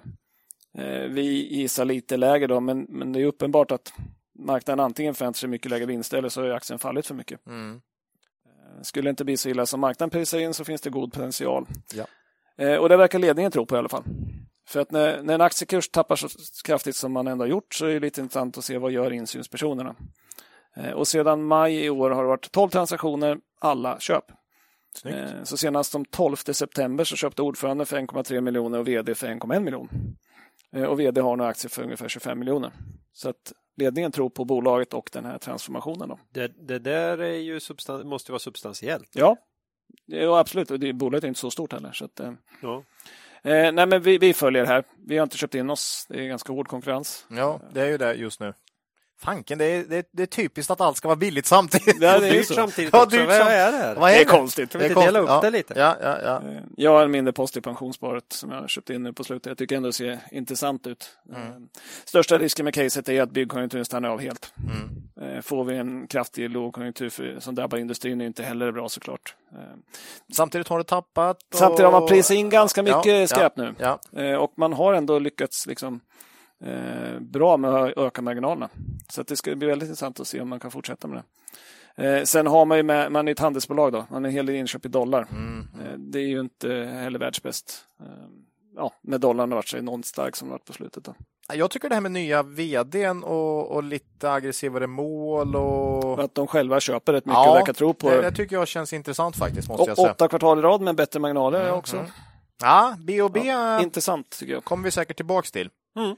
Jag vet faktiskt inte. Du, du frågar ju, det är säkert ett år sedan, eller ännu mer länge sedan, när vi pratade om bio, varför, varför kollar vi inte på det? Ja. Varför har du inte kollat på det? Men det var liksom lite för dålig prestation kopplat till värdering då. Mm. Men nu, eh, framförallt också... Och det var ju rätt då, för Ja. det har ju inte gått någon Nej, vidare. Så att, framförallt nu om de kan, eh, kan börja få till lite bättre utveckling för bolaget och, samtidigt som aktierna har kommit ner. Så, mm. Mm. Intressant. Ja, ännu ett nytt bolag. Ja. Tack säger vi till Marcus för det. Mm. Eh, Nordnet då? Ja. Vi har ju åter med oss vår sponsor Nordnet i podden. Kul. Förra avsnittet, då berättade vi om Nordnets fina private banking-tjänst. Och då sa vi bland annat det att eh, ja, det är ett helhetserbjudande för kunder som har minst 2,5 miljon i samlat kapital på Nordnets plattform. Och då kan man tänka, för det är inte riktigt den vi ska prata om idag, men har man lyckats skrapa ihop den typen av pengar så kanske man har eh, fått till, eh, fått till en eller fler investeringar i onoterade bolag utanför börsen också. Mm. Och I det här avsnittet tänkte vi därför berätta om eh, de möjligheter som eh, finns att i många fall äga de här onoterade aktierna på ett smartare sätt än vad som har varit möjligt historiskt. ja. Och Nordnet har ju då ett samarbete med Captena eh, som innebär att man eh, erbjuder kunderna möjligheten att äga onoterade aktier i kapitalförsäkring. Då. Mm. Eh, konceptet vänder sig till den som kanske redan har onoterade bolag, eh, aktier, kan flytta in. Eller om man bara liksom inte har köpt aktier i onoterade bolag eh, och tycker att det kan vara ett alternativ att börja med det när det blir lite lättare och bättre pris. Mm. Och eh, ja, det som framförallt sticker ut då hos en kapitalförsäkring jämfört med andra sparformer är skillnad i beskattning och deklaration. Eh, och för till exempel startups då som lyckas med sina tillväxtambitioner väntar ju en kanske stor värdeökning på kort tid. Och eh, den vinstskatt som ägarna får betala vid försäljning riskerar att bli riktigt stor om de eh, här aktierna förvaras i en vanlig aktiedepå. Men placerar man sin onoterade aktier i en kapital, kapitalförsäkring får man istället eh, för vinstskatt på 25 procent eh, på det hela en årlig schablonskatt istället. Och samma gäller för utdelningar. Eh, och det gör ju det hela mycket, mycket enklare då man slipper deklarera sina köp och försäljningar. Och målsättningen är då att skapa en produkt enkel, transparent, låg pris. Ehm, sen går det även att ha en och samma kapitalförsäkring för onoterade och noterade värdepapper, så man behöver inte hålla på att skaffa flera olika. Ehm, och sen kan man ju följa utvecklingen för innehaven på, på nordnet.se när man är inloggad. Mm. Och eh, Nordnets kapitalförsäkring för börsnoterade värdepapper är gratis, precis som tidigare. För onoterade innehav tar eh, de ut en avgift här på 3000 kronor per värdepapper plus en årlig rörlig försäkringsavgift som står i relation till värdet. Uh, och det är för att, att hantera onoterade värdepapper innebär ett större manuellt arbete för Nordnet. Och det finns ju en kostnad för värdering naturligtvis. Då. Och det är anledningen till att man tar ut avgiften. Så läs mer om Nordnets kapitalförsäkring för onoterade innehav på nordnet.se onoterat. Mm. Och man ska inte glömma att finansiella instrument kan både öka och minska i värde. Det finns risk att man inte får tillbaka pengar som man har investerat. Tack säger vi till Nordnet. Ja, det kom lite fel i ordningen här på N. För okay. inser det var No i Nordnet va? Mm. Men Nederman som det är dags för nu mm. Eh, är ju Neva. Nederman. Det här är luftreningsbolaget med, för en god arbetsmiljö. Eh, de har varit med hela fem gånger i podden och då under vårt första år. Mm.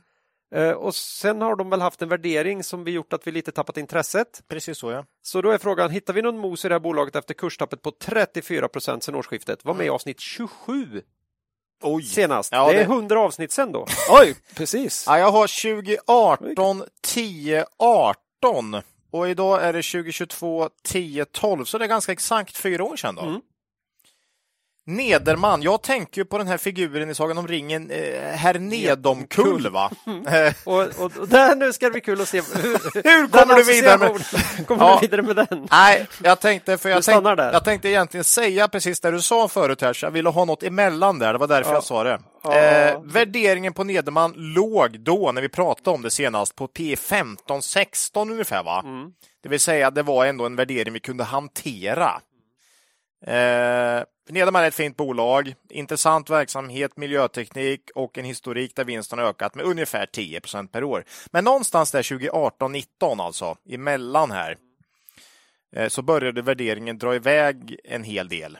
Eh, och eh, sedan dess har det liksom inte riktigt varit ett bolag vi tyckte har varit värt att ta upp i podden.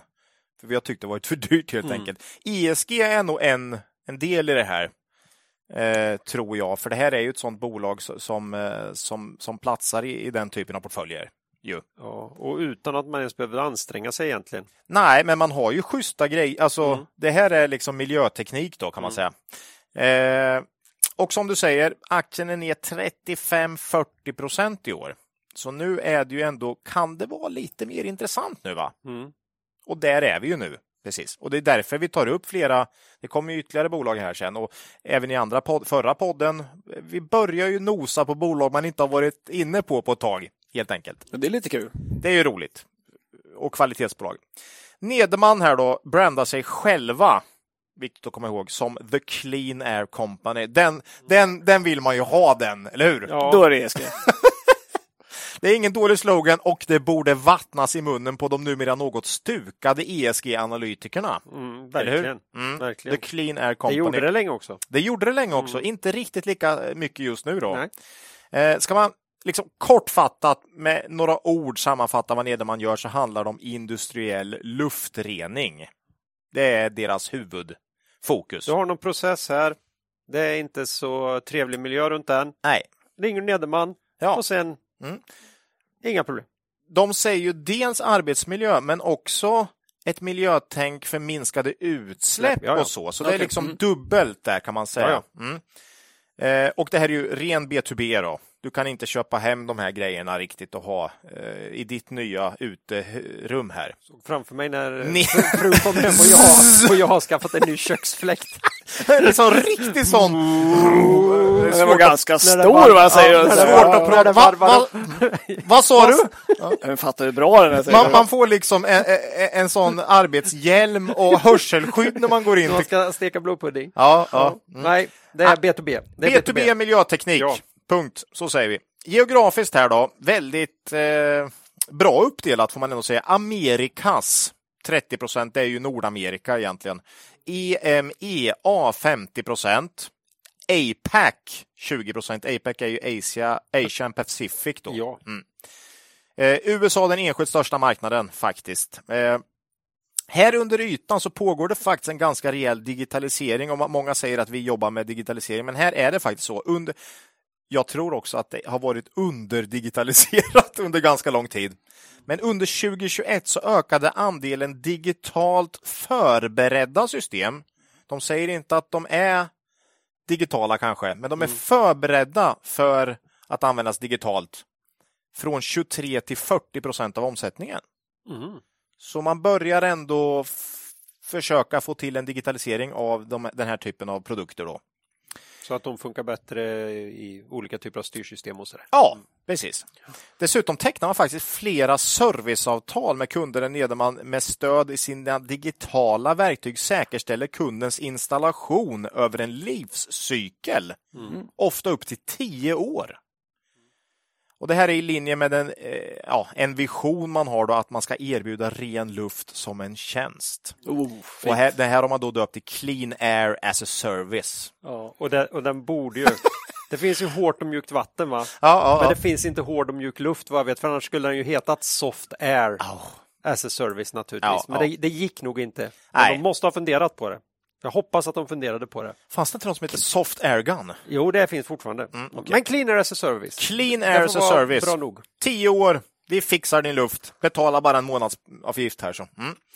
Eh, pandemin, ingen höjdare för Nederman. Vi har väl pratat lite om det där till och från, eller jag tror vi gjorde det senast eh, för fyra år sedan när vi pratade Nederman just att i lågkonjunktur så kanske man tummar lite på de här grejerna som inte är helt nödvändiga för att få fram varor och tjänster. Och att miljöaspekten kanske man tummar lite på ibland. Jag tycker det syns lite i Nedermans historik att lågkonjunkturår har drabbat dem. Sen har de ju mycket kunder, det är ju industri, så att, eller hur? Eh, men samtidigt är det så också att de här lagkrav för miljö, miljöteknik, arbetsmiljö hela tiden blir hårdare och hårdare. Runt, så man har liksom en underliggande tillväxt här. Va? Men under pandemin tappar man 15 procent omsättning och cirka 50 procent på resultat per aktie. Eh, här var det dock en hel del omstruktureringskostnader eh, under framförallt, eller det var, man tog nog allt i Q2 2020. Många bolag brukar ju passa på att städa upp rejält i dåliga tider och det gjorde ju Nederman här då, som jag ser det.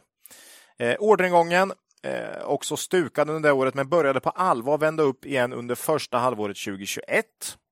Som för många andra, omsättningen återhämtade sig rejält under andra halvåret 2021, förra året alltså. Total tillväxt på 10 procent under 2021. Lönsamheten var på historiskt höga nivåer då. Eh, Och det är också precis som för många andra bolag. Under inledningen av 2022, då, första halvåret, har omsättning och orderingång fortsatt att utvecklas väl. Eh, Man har dock tappat lönsamhet. Ja, det är också precis som många andra, eller hur? Eh, det, är, det är B&B och eh, New Wave som sticker ut här. Ja, men nästan. Eh, man nämner höga råmaterialkostnader som en anledning till den lägre lönsamheten, men man hade säkert som många andra historiskt låga kostnader för resor och personal under 2021. Eh, orderboken var vid rekordstark vid utgången av Q2 i år. Eh, intressant. Mm. Så där har man ju en del att beta av oavsett vad som händer så att säga. Eh, och i rapporterna kan man inte, jag kan inte hitta några tecken på någon konjunkturavmattning i Nedermans siffror. Än så länge.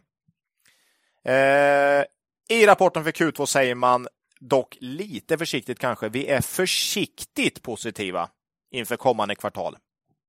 Så att man är, tonar ändå ner framtiden lite här tycker jag.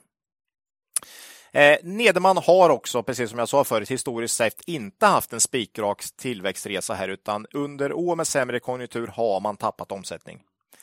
Eh, blir spännande att se hur det går den här gången. Eh, månadsskiftet juli-augusti i år förvärvade, förvärvade man det amerikanska bolaget Robovent. Eh, det låter digitalt. Mm, det är det nog till viss del, men framförallt säger man också att med det här förvärvet så blir man den främsta aktören i USA inom industriell luftfiltrering inom svetssegmentet. Mm. Var det stort eller? Eh, ja, det är 10 procent ungefär mm. plussar det på på omsättningen, så det är det är vad vi brukar kalla substantiellt. Substantiellt, dock med något lägre lönsamhet än gamla Nederman. Boo. Boo. Ja, lite synd, det brukar ju vi eh, inte gilla riktigt lika mycket. Inte om de är, jo, om de är sådana här bolag som får lite billigare pris och sen bara höjer, och sen de, höj, ja, ja, höjer de marginalen. Bara. Det är ju bra. Det gillar vi. Får vi se hur det blir här då. Eh, balansräkningen då. Eh, man hade en nettoskuld på cirka en miljard vid utgången på Q2. Om man adderar då den här förvärvspriset för Robovent så bör nettoskulden vara närmare en och en halv miljard nu. Rullande fyra kvartal har man 635 eh, MSEK i ebitda, kanske nettoskuld ebitda på cirka 2,3 nu då. Mm. Eh, man har säkert ett positivt kassaflöde under Q3 för sig, så kanske, ja, nej, men någonstans där. Okej, okay, kan vi väl mm. säga om det, men absolut inte stark. Mm. Eh, och dessutom 2,3 gånger ebitda, mm, lågkonjunktur, kanske vinsten går ner och helt plötsligt så stiger den siffran. Mm, men eh, räntorna lär väl inte gå upp på lånen? nej, nej, nej. De är ju, det är ju som, det är som B och B. Varför ska, allt, varför ska allt gå åt fel håll samtidigt? Ja. Finns det något som talar för det? ja, ganska mycket tyvärr. Okay, okay, okay. Mm. Eh, så okej balansräkning kan man väl säga. De finansiella målen här säger att man över en konjunkturcykel. Här är man tydlig med det. Va? Mm. Det här är lite upp och ner, men över en konjunkturcykel ska man försöka eh, växa med 10 eh, per år. Lönsamhetsmålet höjdes i våras faktiskt till ebita över 14 och det är lite synd. Det är många bolag som höjde sina mål eh, här i slutet på förra året och i våras. Det är liksom det är, det är typiskt in i en lågkonjunktur på något sätt. Man tror att det är nya tider. Värderingen då, det var ju det som vi började med här. Eh, har den kommit ner? Eller hur? Ja, det har den ju, men, men tillräckligt då? Mm. Det är det som är frågan. Eh, för det var ju anledningen till att vi inte har pratat om dem på fyra år helt enkelt. Eh, vinst per aktie för senaste fyra kvartalen 8,9 på 141 kronor i kurs ger det ett P på 16. Så nu är vi ju där igen då nästan va? Eh, med tanke på skuldsättningen blir ju tyvärr inte ev-ebit särskilt mycket lägre dock, eh, men lite grann. Lönsamheten för de senaste fyra kvartalen ser tyvärr också ut att vara eh, hög i ett historiskt perspektiv. Och vi har ju som ett mantra pratat om är lönsamheten hållbar sista året ju. Det ser inte ut så. nu kanske Nederman är det här undantaget som New Wave och om nu New Wave är det, men eh, nah, det ser inte riktigt hållbart ut. Jag tycker den har stuckit iväg lite för mycket och om vi nu närmar oss lite sämre tider där Nederman historiskt har tappat lönsamhet så vågar nog inte jag riktigt tro på 8,9 vinst 2023 heller. Eh, nu förutsätter jag att det blir sämre tider, men vilket vi inte vet. Men, men man får nästan göra det. Jag gissar på 8 spänn då, 10 procent ner. Det kan lika gärna bli 20, 30 eller inget. Eh, oerhört svårt att gissa i dagsläget tycker jag. Men säg där då, då är det P 17, 18. Det är ju svårt att hitta någon mos där om vi antar att Nederman ökar sin vinst med ungefär 10 procent per år. Eh, billigare än på ett tag, men fortfarande inte tillräckligt lågt skulle jag säga. Mm. Framförallt i och med att allt annat har tappat också då, så mycket. Så relativt så är det ju inte billigare egentligen. Eh, ja, fint bolag, fin business, intressant nisch såklart. Men eh, värderingen är liksom inte tillräckligt låg tycker jag. Eh, rimlig kanske. Skapligt rätt värderat nu då? Ja, hyggligt. Enligt oss. Ja. Eh, men för en långsiktig portfölj när man vill ha fina bolag som tillför något till världen så är väl det ett, ett intressant köp såklart. Mm. Ja. ja. Det var Nederman. Nederman, välkomna tillbaka säger ja. vi till dem. Jag hoppas ja. vi inte blir fyra år igen här. Nej, Nej. men eh, sånt har hänt förr. Ja. Eller ja, fyra år har vi inte haft på oss, men har, vi har sagt att nu tror vi att vi ska komma tillbaka. Ja, Nej, och så sticker värderingen Och så- så blir det inget. blir inget. Nej.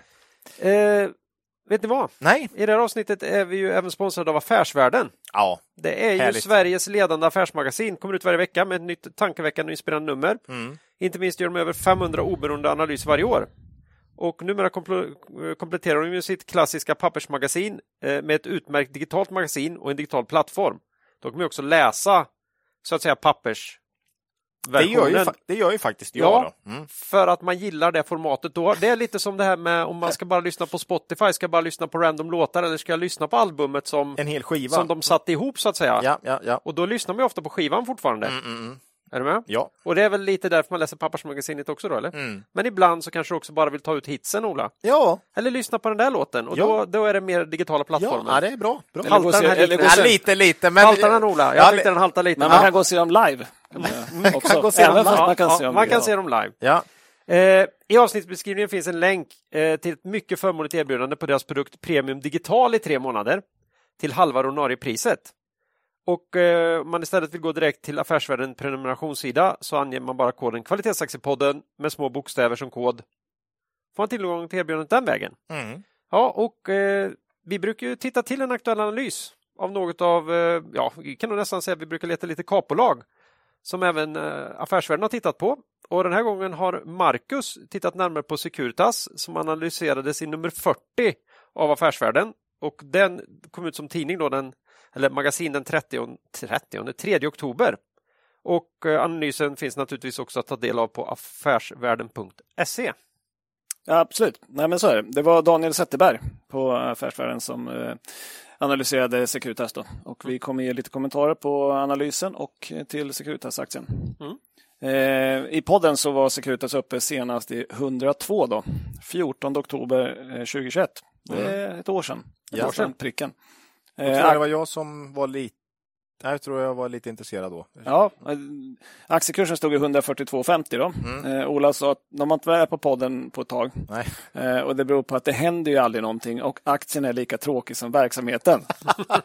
Men vi, att vi gillar bolag som ett verksamhet som är lite tråkiga Ja. och bara trummar på. Mm.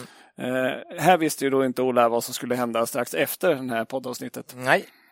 Eh, för det har ju hänt en del på slutet. Mm. Eh, Knappt två månader senare, då, den 8 december 21, så offentliggjorde man förvärvet av Stanley Securities. Och det är det mesta, mesta om Securities handlar nu om det här förvärvet då, som vi kommer återkomma till. Aktiekursen då, som inte heller brukar röra sig så mycket, är ner 42 procent sen eh, det var uppe i podden på ett år. Mm. Det är mycket för Securitas. Jäkligt mycket, för det har varit en stabil verksamhet. Man kan inte ens lita på tråkbolagen längre. Nej, framförallt är det ju det här förvärvet då som sagt som har stökat till det. Eh, och som vi var inne på, eh, precis som eh, Bergman och Beving så har Securitas en lång börshistorik och har ynglat av sig kraftigt. Då. Man har knoppat av Assa Abloy, Loomis, Securitas Direct och Securitas Systems som bytte namn till Niskaya bland annat. Då. Och samma sak som med Bergman och Beving så har döttrarna varit mer framgångsrika än modern. Då. Alltså Bloy måste Ja. vara mycket större än så. Ja, Securitas har ett börsvärde idag på 47 miljarder. Mm. Eh, Assa 228. Mm. Herregud alltså. Eh, Stora bolag alltså. Ja, det är, Assa har ju gått fantastiskt. Det har varit Ja. en framgångssaga. ja, Verkligen. ja. Eh, Loomis eh, 21 miljarder. Mm. Eh, Securitas Direct eh, knoppades av 2006, köptes ut av EQT för 11 miljarder och såldes sedan vidare till andra riskkapitalbolag för 21 miljarder. Mm. Också stort eh, jämfört med Securitas. Eh, och slutligen då Niskaya som köptes ut av Stanley eh, Black Decker 2011 för 6,5 miljard men som Securitas nu köper tillbaka för 35 miljarder. Ja. Så att döttrarna har gått bättre än modern kan jag Ja, säga. ja. Den som är lite taskig skulle säga att eh, Securitas knoppade av de intressanta delarna Mm. och kvar blev en tråkig bevakningsjätte Mm. Mm. eh, som kan ses som någon sorts bulkleverantör av bevakningstjänster. Då. Mm. Här kan man diskutera också hur mycket stordriftsfördelar finns det i en verksamhet som är så extremt personalintensiv. Mycket väktare och sådär. Mycket lönekostnader. Eh, Därav Olas kommentar om att det är lite tråkigt bolag. Mm. Eh, Det som analysen konstaterar är också att eh, det här köpet man gör av eh, återköpet av Stanley Security är ju eh, ganska dyrt. Man betalar 18 gånger rörelseresultatet. Är man väldigt snäll och räknar in de här kostnadssynergierna som man räknar med så är det 14 gånger. Men då har man räknat med att man redan Då är man väldigt snäll tycker jag. ja, man har eh, sålt skinnet och ska ut och jaga björnen. Ja. Men man vet vad björnen är. Så Ja. man är helt säker på att den där kommer jag att skjuta. Ja. Eh, Men det här är ju långt över Securitas egen värdering. Så Mm. att, eh, det är inget arbitrage direkt här. Securitas aktier då har gått svagt sedan den här affären presenterades. Eh, Nu har ju allmänna börsklimatet varit svagt, men en del är ju den här klumpiga utformningen av emissionen. Mm. Eh, Man annonserar alltså i december 21 att man ska göra en emission eh, och ge ut nya aktier och återkomma med villkoren sen. Mm. Det här är ju inte bra. Klassiskt misstag alltså. På. Det har varit många sådana på senaste. Ja, väldigt många sådana. Ja, och vi har ju pratat om både Svedbergs, Millicom, Mm. finns ju flera också. Eh, om man tittar lite på de aktierna så pressades de ner kraftigt i väntan på emissionen, bottnade i slutet på emissionsperioden och studsade upp lite sen. Mm. Sen har de kommit ner lite grann igen när säljarna har kommit in då, eftersom det är ganska svagt på börsen. Så att vi får ju se om det blir sämre Securitas också. Mm. Ehm, ja, det måste gå att göra kapitalanskaffningar på ett effektivare sätt än så här. Underkänt för emissionsrådgivarna. Eh, Det ska inte ta nästan tio månader att göra klart det här. Eh, Emissionen då stängde 11 oktober eh, och utfallet ska meddelas den 14 oktober, det vill säga om ett par dagar. Mm. Lite beroende på när ni lyssnar på det här. Ehm, Fredag. Man, man satte ju teckningskursen väldigt lågt så det kommer ju bli fulltecknat. Man får in 9,6 miljarder. Men antal aktier 50 procent upp. Mm. Och det här spädde ut vinsten per aktie ganska kraftigt, så vi kommer återkomma till. Då. Eh, trots emissionen kommer bolaget vara kraftigt skuldsatt. Eh, affärsvärlden hade räknat fram att nettoskulden efter emissionen är 39 miljarder. Sex gånger rörelseresultatet. Eh, bolaget höjde för övrigt sitt eget mål om skuldsättning från 2,5 till 3 gånger ebitda den 24 augusti, ganska nyligen alltså. För att ge sig själv lite mer slack där. Bedömer att det kan nås 2024. Så det tar ett tag innan man är där. Och, och det är ju lite vågat att öka skuldsättningen så här mycket när vi går in i en osäker period i allmänhet och stigande räntor. Ja, just med läget som är nu känns det ju lite jobbigt. Eh, Så att, eh, ja. Sen en fördel med affären, man vet ju vad man köper. Det är Ja. alltid osäkert att köpa någonting om man lyckas göra en tillräckligt bra diligence, vända på alla stenar. Men det här är en verksamhet som man har ägt under lång tid. Man har knoppat av det själv. Ja, Ja. Så, så man borde ju, man, det ska inte dyka upp någonting konstigt här utan man vet ju vad det är man köper. Så det är en stor fördel. Eh, Man till- kan väl hoppas det händer någonting med det ja, på de här åren. Något liv som, som motiverar en Ja. Ja, värderingen hade gått från var det 6 till 36. eller vad sex gånger Ja. högre. eh, det, det är lite högre. Så, mm. Vi hoppas att det är nya fina grejer Ja. Mm. och inte bara att man har betalat mer. Nej. Eh, man- De senaste åren har man legat på runt 5% i rörelsemarginal. Eh, Stanley eh, har då bättre marginaler och enligt eh, Affärsvärlden-analysen här så kommer man lyfta koncernens marginaler med ungefär 0,6 procentenheter. Då. Eh, Inte orimligt att nå 6 procent när man är klar med integrationen. Eh, Securitas har ett mål som är mycket högre. Man säger att man vill nå 8 procent till 2025 och en ambition om 10 procent på lång sikt. Eh, Affärsvärlden konstaterar, och det håller vi helt med om, att når man de här målen så är det en väldigt köpvärd aktie. Men, men det är ju en, en bit kvar så att säga. Eh, och det är inte säkert att man kan nå den typen av marginalförbättringar även om det här är en, en, en verksamhet med högre marginaler än vad man hade själv då, tidigare. Men värt att notera då, vinsten ökar i absoluta tal men inte vinst per aktie Nej, eftersom man ger ut en massa nya aktier. jobbigt, lite jobbigt måste Ja. man säga. Det, det där brukar... eh, Ja, nej det känns inte så, så jättekul tycker jag ofta när man ser en rapport och man ser ja, vinsten upp 45 procent, vinst per aktie ner 30. Vi brukar tjata om det här ganska Ja, mycket. inte så roligt. Men ett tag kändes det som det var ingen annan på marknaden som brydde sig Nej, om det. lite så. Men det är aldrig nya tider. Till slut kommer allt tillbaka. Ja. Eh, Men i alla fall, man, man tjänade 8,59 2021, rullande 12 9,70. Men Affärsvärlden prognostiserar med att bolaget nu kommer ha en vinst på 6,90 per aktie för 22.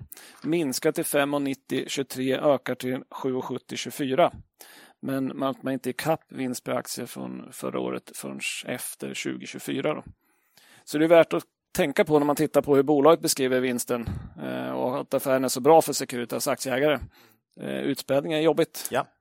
men viktigt att hålla koll på.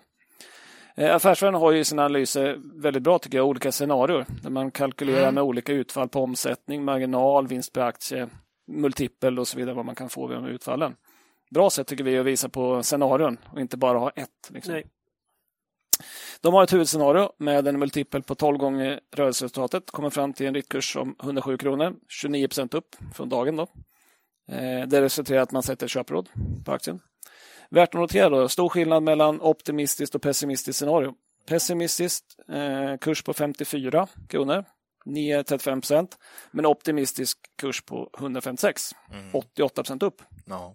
Så tittar man på de bedömningarna och litar på det här så har man ju större potential än nedsida. Kan man nog kanske hålla med om, om det inte blir något riktigt sur med balansräkningen. Eh, Men vad säger vi då? Eh, Ja, vi har inga aktier i Securitas idag. Det är hård konkurrens eh, där ute. Ganska många bolag som ser rätt billiga ut. Sen är vi lite rädda för skuldsättningen. Eh, Som sagt, nettoskuld 39 miljarder, sex gånger rörelseresultatet. Eh, Det är högt Ja, för oss. det är jäkligt högt. Eh, lurigt också, som vi sa, stor skuld in i sämre konjunktur, Ja. höga räntor. Mm. Viss fördel dock är att Securitas normalt där verksamhet är inte så konjunkturkänslig. Du ska vakta ändå liksom. Ja. Eh, Även i sämre tider. Det finns ju också en god möjlighet att det har pressats lite mycket av den här dåligt skötta emissionen. Att det kan finnas studspotential här i, i aktien då. eh, När man är klar med emissionen. eh. Och de släppte ju lite siffror för, Ja, och de såg ju starka ut. de så, alltså för, för det gamla. Eller, Ja, men, men de hade även eh, uppdatering på hur det har gått här i början. Okej. Eh, Och det var starkt på Stanley också, så att Ja, okej. vi fick en liten studs där. Ja, för, för det var ju, jag tror det var viktigt också. Ja. De, vill, de vill ju på något sätt visa hur det går så mycket som möjligt inför den här nyemissionen här. Ja. Så. Ja. Och den lär bli fulltecknad. De satte teckningskursen så lågt, men Ja. sätter man jättelågt så blir det många nya aktier. ja, precis. Vi känner väl kanske att vi gillar det gamla tråkiga Securitas lite bättre. Ja, ja, framförallt när den här skulden kommer in också så Mm. är det inte jättekul. Det är lite mer förutsägbart också. Nu vet vi Väldigt. inte riktigt mer vad det blir. Nej, men just det här med eh, affärsvärldens tre scenarier här. Mm. Eh, vi ser ju gärna att det är så tajt spann som möjligt mellan de olika tre scenarierna. Det är ju bolag man gillar. När det inte osäkerhet. Här är det ju lite som de säger, det blir ganska stor skillnad mellan ett positivt och ett negativt, men då har du ett ganska dåligt negativt scenario här. Ja, s- sen vet man ju inte. Ett, ett riktigt dåligt negativt att det blir jätteproblem i konjunkturen. Med balansräkningen. Balansräkningsproblematik och sånt. Det, det är ju svårt att lägga in det som ett vanligt scenario. Men Ja, det går ju inte, men, men det finns ju ändå med där, så Det det, är väldigt vara- bra att de tar med det då som ett, och det, och det gillar ju inte vi när det finns den här typen av scenario som inte alls ser kul ut. Man vill gärna att ett Ja. dåligt scenario ändå är hyggligt nära dagskurs. Och, och, och just nu är vi väldigt rädda, eller vi, vi, vi försöker ha bra balansräkningar. Ja, Rakt av. rakt av. Det är Men, jätteviktigt. men om man ska ställa upp tio bolag eh, och titta lite på liksom vad, vad är konjunkturokänsligt här Mm. så skulle jag ju om Ja. Securitas skulle jag vara Mm. lite mindre rädda för. Även Ja. en del av de här avknoppningarna från Securitas vi har pratat om här. Så att, eh, det, det kan man ju se. Och det tror jag nog är det Cavalier eh, tror väldigt mycket på också. Mm. I, de går ju med här. Och Nej, men så är det verksamhetsmässigt så, Jag så, tror att så, de så kan sneglar det, åt det, det positiva scenariot här. Ja. det borde inte vara så farligt och, och den har ju pressats av emissioner och så här, så att det kan ju definitivt finnas ett läge. Men, men för oss, vi försöker Ja. balansräkningen lite. Det finns för- väl framförallt så himla mycket annat där ute nu. Ja, Det det, också. är ju så. så är det. Så är det. Mycket, väldigt spännande tider är det. Ja, Eh, men eh, det var large cap där. ja, eh, tack Marcus och tack säger vi till vår sponsor Affärsvärlden. Mm. Då har det blivit dags för eh, Ännu, large cap, ännu ett large cap-bolag, va? ja, sista, Sista ut för idag. sista ut för idag. Det är jag som tänkte säga några ord om Systemair. Det var inte heller i... Det var inte igår du. Nej. Eh, kommer till det. Mycket har ju kommit ner ordentligt på börsen i år. Mm. Alla är väl medvetna om det. Eh, Men vi får inte glömma bort den vansinniga uppgång som många bolag fick eh, se i sina aktier under perioden innan här. Ja. Ett eh, bolag som flugit riktigt högt på de här kraftiga ESG-vinnarna och de rådde i vart fall under 2020 och 2021 då, det var ju Systemair. Mm. Det här är bolaget från Skinnskatteberg med runda kanalfläktar. Eh, senast vi tog upp dem var i avsnitt 69, 11 juni 2020. Vi var mitt uppe i pandemin och vi konstaterade att bolaget eh, själva såg att de kommande kvartalen skulle bli tuffa och efter det var allt oklart. Mm. Det är hårt ja, du. ja. Ja, och vi konstaterar att bolaget värderades eh, över P21 utan att vi eller ens de själva kunde veta vart intjäningen var på väg. Men vi gissade att det kanske inte spelar så stor roll eftersom Systemair uppenbarligen på väg, var på väg in i ESG-facket. Ibland så hade Lannebos hållbarhetsfond flaggat upp i bolaget. Eh, Men vi konstaterar att vi är inte tagare oavsett eftersom vi aldrig spekulerar i att bolag ska gå från högt värderade till orimligt högt värderade på den här typen av trender. Mm. Eh, bolaget stod i 42 spänn, eller aktien stod i 42 kronor när vi spelade in det avsnittet. Eh, sista handelsdagen 2020 då, några månader senare handlades de till 64 kronor. Och det var efter en uppgång som inleddes direkt efter semesterperioden 2020. Vansinnet toppade ur då runt 103 kronor per aktie och P42. Det är alltså ett bolag som gör runda kanalfläktar. Nej, de gör mycket mer grejer idag och har köpt, men det är Ventilation. Eh, P42, 3 januari i år. Då var det mycket som toppade precis när börsen öppnade igen här. Eh, då hade de precis flyttats upp på large cap på Stockholmsbörsen. Det hade hjälpt till med den sista skjutsen tror jag, för då fick de en annan exponering och de skulle in i lite olika index. Indexfonder och sånt. Sådär, ja. mm. Nu handlas de åter runt P20. Det har varit en kraftig nedgång sedan årsskiftet, de på över 50 procent. Oj, är det så pass Och mycket? eh, de har bottnat ut runt 48 spänn några gånger här. Nu är de upp lite igen. Eh, så om vi släpper då marknadens spännande varierande syn på ett och samma bolag under en väldigt kort tid. Vi tar ju upp det då och då. Ja, eh, Nederman här som jag hade uppe nyss Ja. var ju Mm, lite åt samma. Mm. Det händer inte mycket i bolaget men i kursen kan det hända precis hur mycket som helst. Ja. Ska vi titta, ja, hur går det för bolaget då? ja, det är ju intressant. Mm. Har det svängt lika mycket? Ja, jag skulle inte riktigt, tro det? Inte, riktigt. Nej. Vi kan konstatera att Systemair är samma kvalitetsbolag som det alltid varit. Och man fortsätter att förvärva. Man har eh, en god lönsamhet i ryggen, men man behöver låna till de här förvärven också. Så balansräkningen är okej, men absolut inte stark då, för man har även här en nettoskuld per ebitda på runt 2,1. Oerhört likt Nederman här. Ja, Mm. och vi var ju inne lite, lite värre än B&B. Eh, och sådär också. Men senast nu och har köpte man italienska Sagi, Sagicofim, kan de heta så? Sagicofim. Det tror jag inte, men, men vi... Men vi har inget bättre att komma med. Under kvartal två Ja. och även föregående förvärv Ja. som skedde i början på 2021 var från Italien. Och där, så där vill de ha en ökad närvaro. Eh, det är ju för de här bolagen säljer framförallt det senaste nu har en ganska stor försäljning också i Italien. Mm. Det är lite sådär att Ja, är- ökad exponering mot en skakig italiensk marknad men samtidigt kanske du kan få ett bra pris. Känns lite läskigt ändå med Ja, Italien. Mm. Italien lyfts ju fram som en av de osäkrare marknaderna i Europa Men nu. det har ju hänt en hel del här nu sen, Mm, jo, jo. sen det här hände. Så Ja, jo, visst, visst, men då tänker jag så här, VD Roland Kasper, Ja. han vet nog vad han gör va? Ja. Bara ta ett namn där man kan byta plats på för och efternamn och det är fortfarande ett helt okej namn. Kasper Det är inte Roland. dåligt. Men det är inte många som heter Roland i efternamn. Ja, då, jag kollade det. Det fanns ganska många Roland Okej, faktiskt. okej, Ja, okej. det var tyskt eh, ursprung på Jag tror oftast. jag gjorde mig rolig över det här också sist. Jag vet. Fast inte just, utan jag sa en kille med två förnamn. Det var nog mer så jag sa. Ja, Mm. Vi kan inte låta bli. Jag var Nej. tvungen att hänga på där. Okej. Ja. Roland Kasper, han gör Eh, säkert nej, han gör det här Du har ja. gjort det jättebra. Eh, så att eh, rapporterna fortsätter komma in bra. En Mm. organisk tillväxt på 14 procent. Oj. Eh, för första kvartalet i det brutna räkenskapsåret och som startar i maj och följaktligen avhandlar månaderna maj till och med juli. Totalt var tillväxten 24 procent och det är långt över det historiska snittet på 10 procent. Eh, men ungefär i linje med målen då över en konjunkturcykel. Eh, rörelsemarginalen är tillbaka, tillbaka på gamla goda nivåer. 9,5 procent hade man i kvartalet här.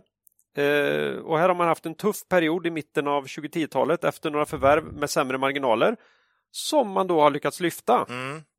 Men det tar en stund. Jag vet att det tog så lång tid så jag blev tveksam till om de någonsin skulle göra det, kommer jag ihåg. Men det gjorde de till slut. Ja, uppenbarligen eftersom jag har skrivit nu är de tillbaka i gammal god form. Det kan ju inte betyda något annat. Nej. Nej, Men jag det kan ju vara var- andra effe- effekter där Ja. också Jag naturligtvis. får vi satt och funderade lite över att de gick ju upp jättemycket för att resultaten var inte så där fantastiska. Nej, för de tappade marginaler. Ja, Ja, nej, men det, har, det var verkligen en, ES, en värderingshopp bara. Ja. Det var det ju. det var en av de konstigare sådana. Ja, för- verkligen. Ja. Nibe till exempel har ju gått jättebra. Ja, det har ju verksamheten gått bra Ja, också. ja. Sen har man fått en bra värdering. Men här gick system, inte... Systemair har haft det lite små, alltså det här är ju kvalitetsbolag. Ja, bra, tuffa pengar, på, tuffar men- på, men det har inte varit, Nej, det har inte varit något sjukt liksom. Nej, nej, absolut alls, inte. Utan lite kämpigt ibland. och inte haft det jätteenkelt under pandemin heller. Nej. Väldigt likt Mm. Och sen är det så här att de är troligen vinnare också. I vart fall inte en förlorare på en svag krona. Nej. Eh, 5 omsättningsökning kom från valuta samtidigt som rörelsemarginalen eh, är bättre än samma tid förra året. Det säger mig att Mm, mm. det är inte jättekämpigt med varken hög euro eller dollar här. Nej. I alla fall inte än. Nej. Eh, ja, vad ska vi tro framåt då? Det är jättesvårt naturligtvis. Eh, Systemair är beroende av byggkonjunkturen i alla typer av fastigheter, i, främst i Norden och Västeuropa. De är sencykliskt bolag och med produkter som dessutom kommer in en bit in i byggcykeln. Mm. En inbromsning i bolagets marknad kan dröja lite längre än till exempel bolag som sågar virke eller levererar arbetskläder. Va? Mm. Så vi får se här. Eh, om man gissar lite offensivt på det brutna räkenskapsåret 2022-23 slutar i april nästa år då. Kanske de kan tjäna 3,20 någonting. Mm. Det är i linje med vad Erik Penser tror i sin analys från sista augusti. Den hittar jag på Börsdata, Såklart. där man numera också kan hitta analyser. De gissar på 3,30 i vinst per aktie för innevarande räkenskapsår. Då har vi ett PE på 15-16 någonstans. Oj! Herregud vad kul! Äntligen lite, ja, okej. Ja, Mm. det är inte högt om vi tittar på hur bolaget värderats historiskt. Nej. Inte minst under den här ESG-håsen då. Tyvärr är det ju en helt rimlig värdering för oss. Ja, lite så. Eh, vi förväntar oss en tillväxt runt 10% över tid i bolaget här. Mm, mm. Med kombination av eh, bra förvärv och organiskt. Finns ingen mos här. Eh, känner vi igen det här från eh, Ja, det, det- här ni- avsnittet? Nederman och Systemair, de borde nästan möta varandra också i, i offerter ibland, va? Ja, det kan, nästan. kan bli en, eh, en sammanslagning här. Ja, Nederman är ju inte så mycket bygg. Nederman är ju mer eh, industri. Men medans- de, rena, de renar luften, men hur ska de få ut den? Jo då, då ringer man. Nej, Då ringer man. Ja, de har nog egna fläktar. ja. Klas ma avdelning Ja. ja, ja. Jag Nej, oerhört de lika var- de ja. två här. Mm. Eh, ja.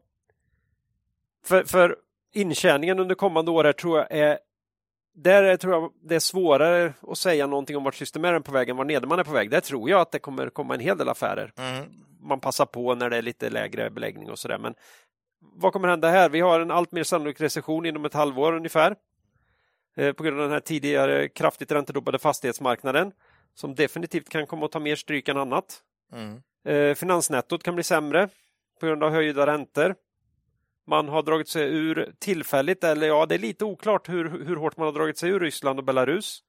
Men vi vet ju vad som händer där och där har man tillgångar idag i form av fabriker och lager och annat som värderas till 300 miljoner som Ja, Mm. det vet man ju inte om man någonsin kan få tillbaka igen. En ganska ny fabrik också. Ja, jag hade lite svårt att hitta exakt hur ny den var. Ja, men de, har funnits, ja, de har funnits i Ryssland länge. Ja, Systemair var ju stora. De Ja. hade en ganska substantiell Och verksamhet de i har ju haft förut. massa personal där. De har tvingats säga upp en del, men en del fortsätter man att hålla avlönade och sådär trots att ja, en kraftigt. Man hade 4,5 procent av verksamheten där nu innan, innan kriget kom.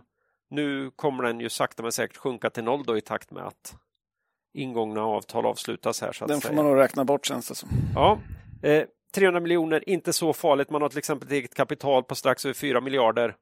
Så att det är väl hanterbart. Eh, ja, vi kommer att fortsätta hålla ögonen på Systemair. Mm. För vi kan ju få se hur både P och ET här kan, kan vara så här att eh, Pet fortsätter ner. P kan fortsätta ner lite grann och även kanske ET, men vi brukar ju försöka spå in i framtiden och det är Mm. inte omöjligt att vi kan se att oj, nu tror vi på ett helt annat E här om ett år. Ja. Och det är ju då vi gillar att slå till då va. Så en svagare period är fullt möjligt, men det kan också bädda för ett intressant läge kanske i Systemair igen. De var ju nere och vände på P12 någonstans om jag inte minns fel 2013, 13, 14, 15 14 någonting. någonstans Ish. och då var vi väl inne senast. Ja, Nej, men det är ett kanonbolag. Jag gillar dem verkligen. Jag, jag, tycker, jag tycker de har en stabilitet. Säg så här, ja, ventilation i fastigheter. Ja, är det- det något vi kommer ha i framtiden? Jag tror det. Ja. Jag tror det också. Mm, det tror jag. Mm. Tror vi att Systemair är en kvalitetsleverantör? Ja, det tror vi. Ja. ja Och- det, Och marknads världsledande nästan. Så Ja. att, mm, så vi får se. Ja. Kan det bli ett läge att de får flytta in i vår kapitalförsäkring igen? inte omöjligt. det vet vi inte, men vi är Nej. absolut inte där i dagsläget. Vi avvaktar i Systemair. Mm. Klart närmare än tidigare i alla fall. Ja, alltså nu är det ju... Nu kommer vi följa. Tills de försvinner iväg upp i himlen igen, eller? Mm. Ja, P12 2014 vad var det. Mm. Sen började det braka iväg lite. Ja.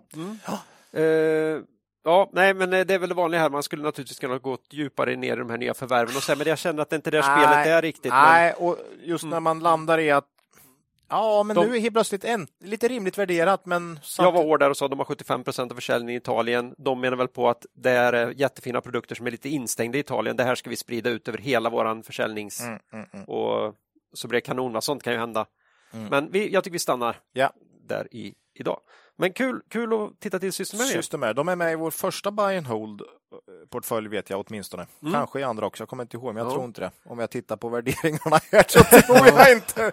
Det var, nej. Ja. Ja, det här med buy and holderna blir ju intressant här nu när vi börjar närma oss Lucia igen. Här, Vi att- har exakt två månader kvar och om de här värderingarna står sig så har vi ju ett betydligt digrare bord än förra året. Då det var ganska svårt här. Det var lite tråkigt till och med att sitta och försöka hitta case. Men att redovisa hur det har gått i de gamla kanske inte blir lika... Nej, men att köpa in nytt, det Köpa är in ju alltid roligt. roligare. Då får man se på det istället. Ja. Ja, får vi se på det Ja, istället. ja, ja. Så det är alltid någonting att glädjas över. Ja. Det var bolagen för idag. Eh, lyssnarfrågor då? Mm. Eh, det blir väl en, en batch sådana idag här igen och sen så kommer det vara några avsnitt och det inte blir några för nu blir det ju rapport Så är det. Mm. igen. Men eh, Macke, du har tittat i den digra högen och plockat fram ett litet tema här. Ja, vi tog några stycken till på lite, ja, hur vi gör analyser och så. Mm. Eh, Och det här är ju frågor som vi har tagit lite, det är lite blandning av sånt som kom in löpande och sånt som kom in när vi hade frågeavsnittet Mm. och inte hann med då. Eh, Vi tar den första då. Hur lång tid tar det för er att eh, göra er första analys av ett bolag? Två timmar, en dag, en vecka etc. Eh, Hur ser er researchprocess ut när ni utvärderar ett nytt bolag? Vad börjar ni med? Vilka områden undersöker ni? Rapporter, börsdata, produktrecensioner etc. Och i vilken ordning gör det här? Var frågan då. Det var en liten kort och koncis Väldigt kort ja och fråga. nej-fråga. Svaret är ja. Nej. Ja, nej. Eh, Jag kan ta den. Eh, Nej, men det här är väl snarare, tycker jag, en fråga om en vecka än enskilda dagar. Eh, ofta gör man andra saker samtidigt, så det blir pågående arbete. Men här är ju podden bra. Det blir en anledning att strukturera det här mycket mer när man ska dra i publik. Då. Mm. Så det är en stor fördel. Tiden det tar skiljer sig en hel del åt bolagsmässigt också. Det är ganska stor olika komplexitet på olika bolag. Då. Eh, Rent generellt mer tid för större bolag. Eh, Där finns det andra sidan mer andra analyser att ta del av eh, och titta på. Börjar ofta med börsdata. Ser över historiken. Hur har man växt? Vad har man för marginaler? Hur stabila har de varit över tid och så vidare. Titta på värdering såklart. Är det intressant att titta på överhuvudtaget. Och så kommer vi fram till nej så är vi klara där.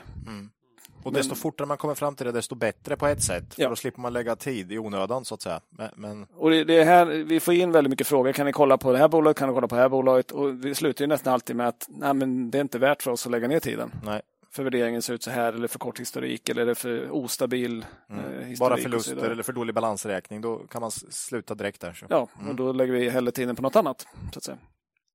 Men om man kommer förbi de där delarna så um, läser jag alla pressmeddelanden, brukar jag, fem år tillbaka ungefär. Kolla på vad, vad lyfter bolaget fram för stora händelser. Eh, vad har de gjort för värv? Hur såg de ut? De brukar vi också ta, ta med, anteckna specifikt. specifikt då. Hur bra var informationen och så vidare. Eh, sen över till rapporter då. Läser skapligt antal kvartalsrapporter, ganska många år.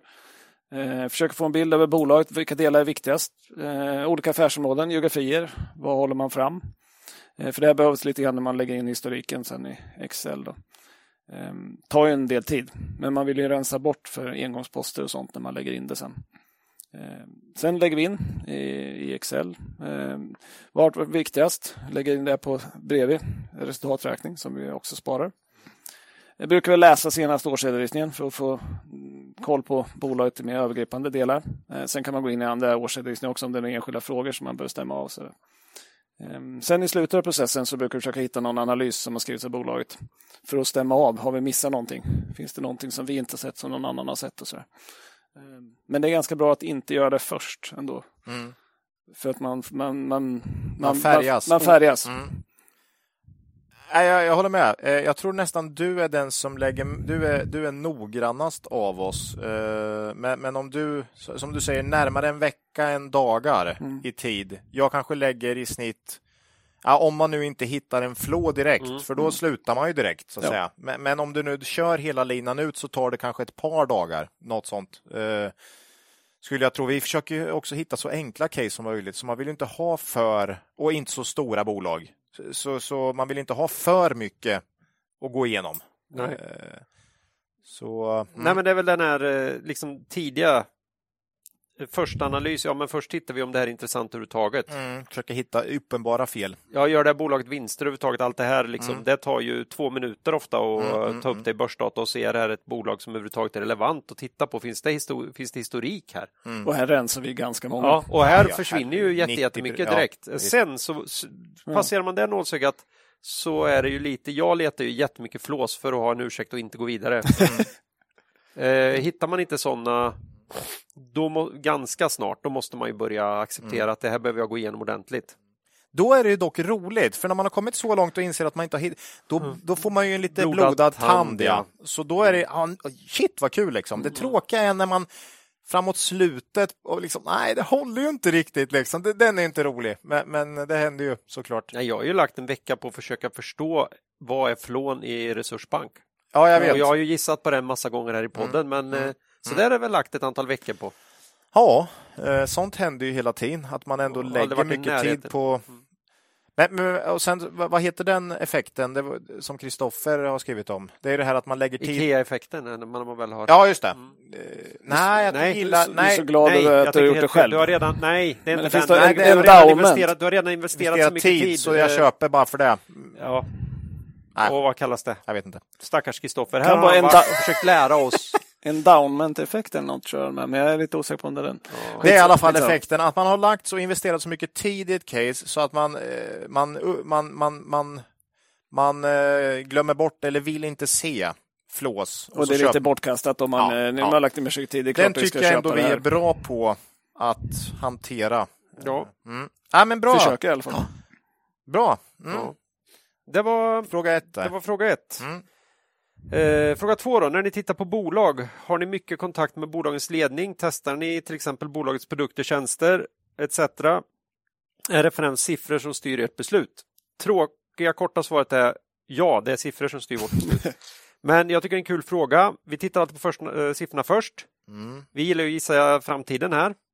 Och då är det också jättetrevligt att har man liksom passerat det här tidiga, att det finns inga uppenbara flås, då vill man jättegärna prata med VD eller någon annan insatt representant för bolaget för att se, kan man ja, bli lite stärkt eller finns det bitar här som man inte förstår och sådär.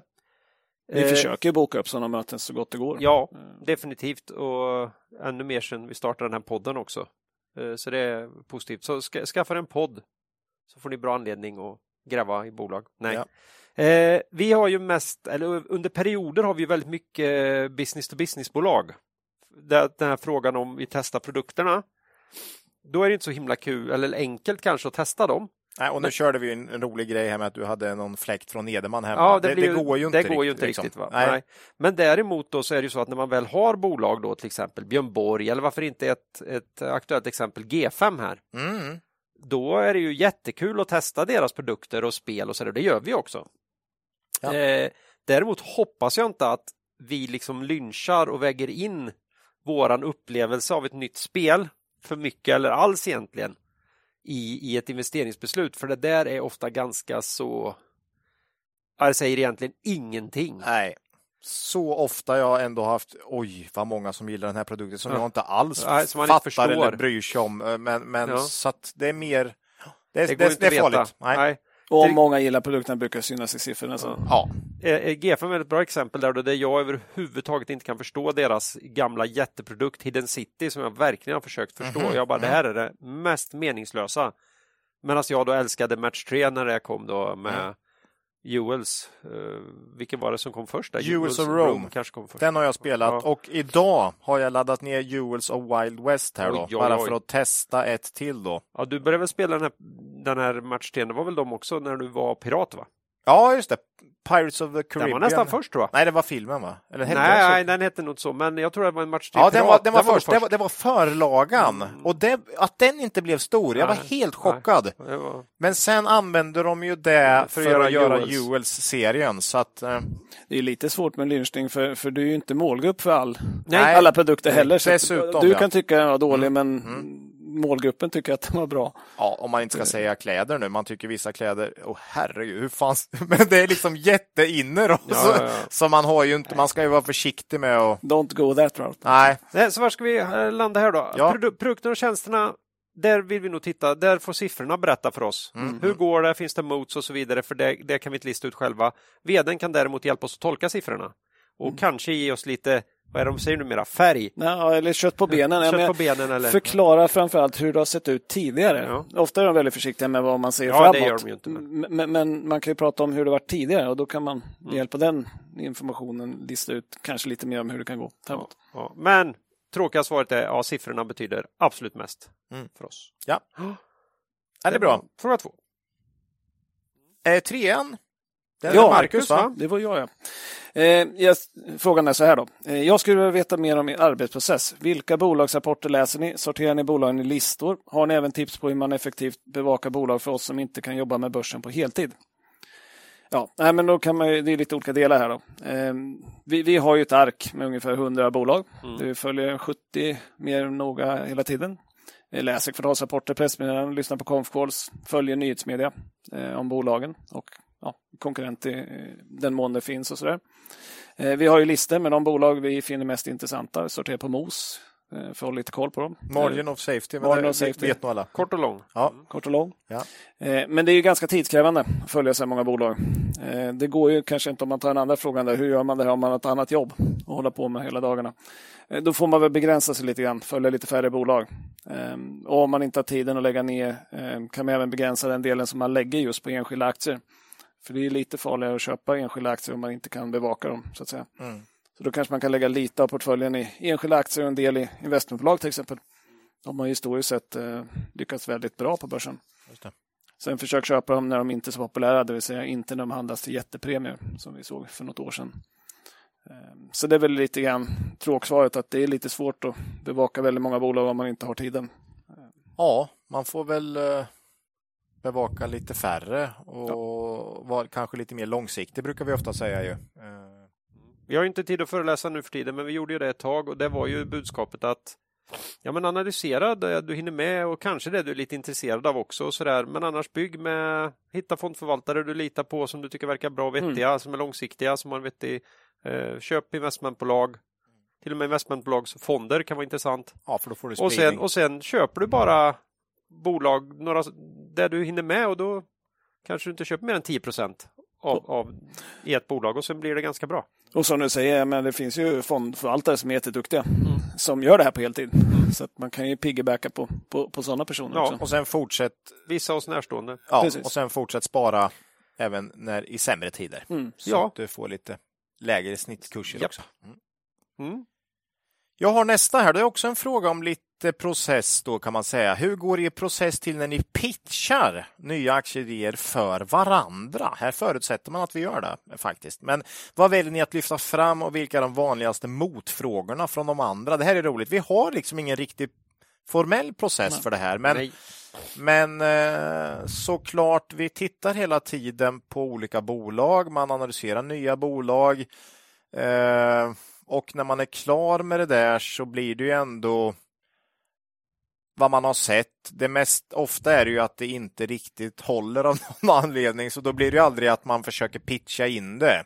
och diskussionen blir kanske ännu tidigare när alla säger, men vad är, ja. vad är flån? Liksom? Hur ser det ut liksom? Eller vad är flån? Men, men om någon av, liksom, av oss lyfter fram ett case ändå som intressant då, för att det tickar boxarna liksom, eh, så är det ju framförallt då eh, nedsidor vi, vi brukar börja med.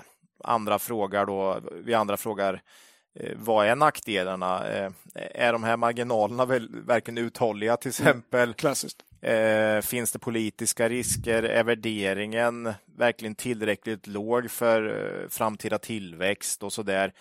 Ja, balansräkningen, ser inte den lite svag ut? Ja, men det är den typen av man försöker sticka hål på det här då, så det är inget roligt att komma fram och pitcha mot. Nej, det är värdelöst. Ja, men, men, samtidigt, jag tror det är ganska tidigt i en process där ändå alla då inser att det här skulle verkligen kunna vara något. Det är ju sällan vi tar fram, ja men nu ska jag göra ett bolag och så har vi inte diskuterat det. Nej. Och sen är det klart så, Nej. ja men vad är det här liksom? Nej, utan det är ju något man är lite intresserad av, men ofta innan så vet man kanske vart det landar liksom. Eh, men att man ändå säger att det här skulle kunna bli väldigt intressant eh, då och då. Så då vill man ändå ha det liksom. Eh, så det blir väl en allmän diskussion där vi försöker egentligen tillsammans komma mm. fram till ja, men mm. varför ska vi i sådana fall lägga in det överhuvudtaget? För det är ja. en del jobb. Och sen um. om det ändå är intressanta bolag så tycker jag ganska ofta så blir det så här, ja visst, men vad hände det året? Om man ser tio års historik och sen är det ett år som är väldigt svagt, då vill man gärna, det är gärna det man fokuserar på då, för man ska vill förstå varför gick det så jäkla dåligt då? För det skulle ju då kunna hända igen, tänker Precis. man. Eh, så då vill man gärna att det ska vara någon engångs... Det här är lite intressant för det här är precis tvärt känslan ibland när vi får in till podden. Mm, mm. Kan ni titta på det här bolaget, kolla förra året ser svinbra ut. Ja, ja. Medan vi direkt går in och kollar, ja fast det såg inte alls bra ut Nej, tidigare. Precis, och då är det de åren man tänker, fy fanken, vad hände där ja. liksom? Eh, så att, mm. ja, vi fick in jätte, jättemycket sånt, särskilt under pandemin här, mm, där det mm. var liksom, man mm. bara kan ju vara någonting som händer i världen just nu som skulle kunna påverka Ja, eh, det här. Ja, bara för att jag inte kan säga vad. mm, ja. Nej, men, men jag kan se att det här är Ja, rätt, Är- rätt tydlig uppgång både på omsättning och marginal. Här. framförallt, ja. Är det rimligt? Ja. Är det ny verksamhet? Eh, nä- nästa fråga här då. Eh, ni nämner i podden ofta att det kan vara bra att läsa externa analyser. Hur får ni tag i dessa? Här måste jag ju då lyfta börsdata. Mm. Eh, och där finns ju numera externa analyser. Det är någorlunda ny funktion, men In- väldigt Ja, bra. någorlunda ny funktion, men där har du ju alla de här i liksom betalda analyserna ligger ju där. Eh, nu brukar ju inte vi investera i de största bolagen eh, och det är inte så många analytiker som följer de här så ofta är ju vi vi är ju ofta liksom utelämnade till just betalanalyser där eh, ett bolag betalar en eller två firmor för att göra analyser Mm. och de ligger ofta på börsdata. Så där brukar vi alltid börja. Eh, Redeye tror jag inte är med på börsdata, Nej, eller de var inte i alla fall. Nej. Där kan man hitta lite på mindre bolag. Större bolag, ja då kanske man kan få tag i analyser från eh, några av de stora bankerna ibland.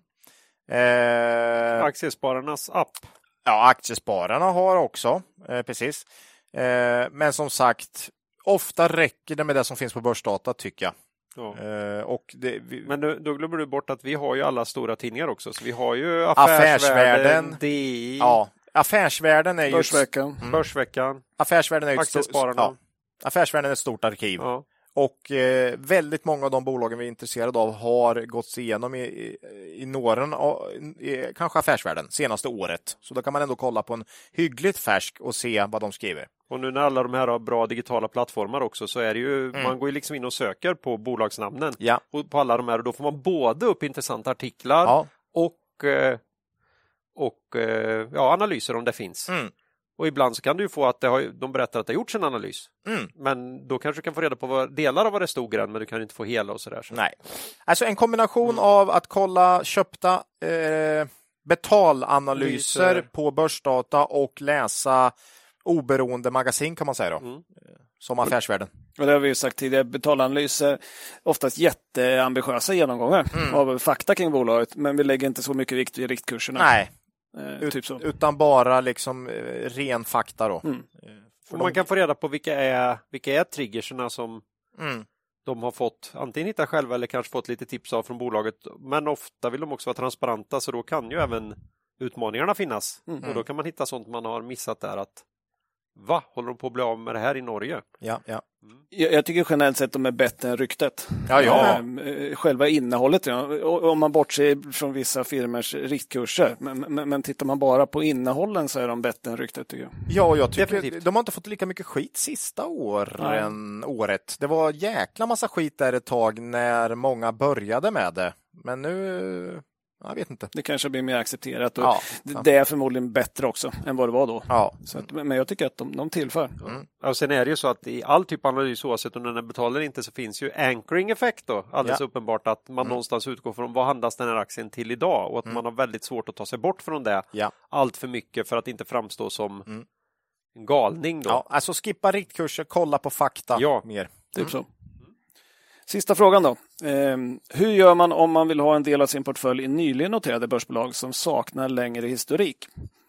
Det Mm. tog vi med för en lite kul fråga. ett kort svar. Ja, den är fråga ställd, jag skulle säga frågan är ställd till fel part. Mm. Ja. För vi gör ju inte det generellt sett. Och, och det är ju av olika anledningar som vi varit inne lite grann på. Ehm, nya bolag har inte lång historik och då är det högre risk, tycker vi. Eh, och då försöker vi undvika att göra det eftersom vi vill undvika risk i största grad.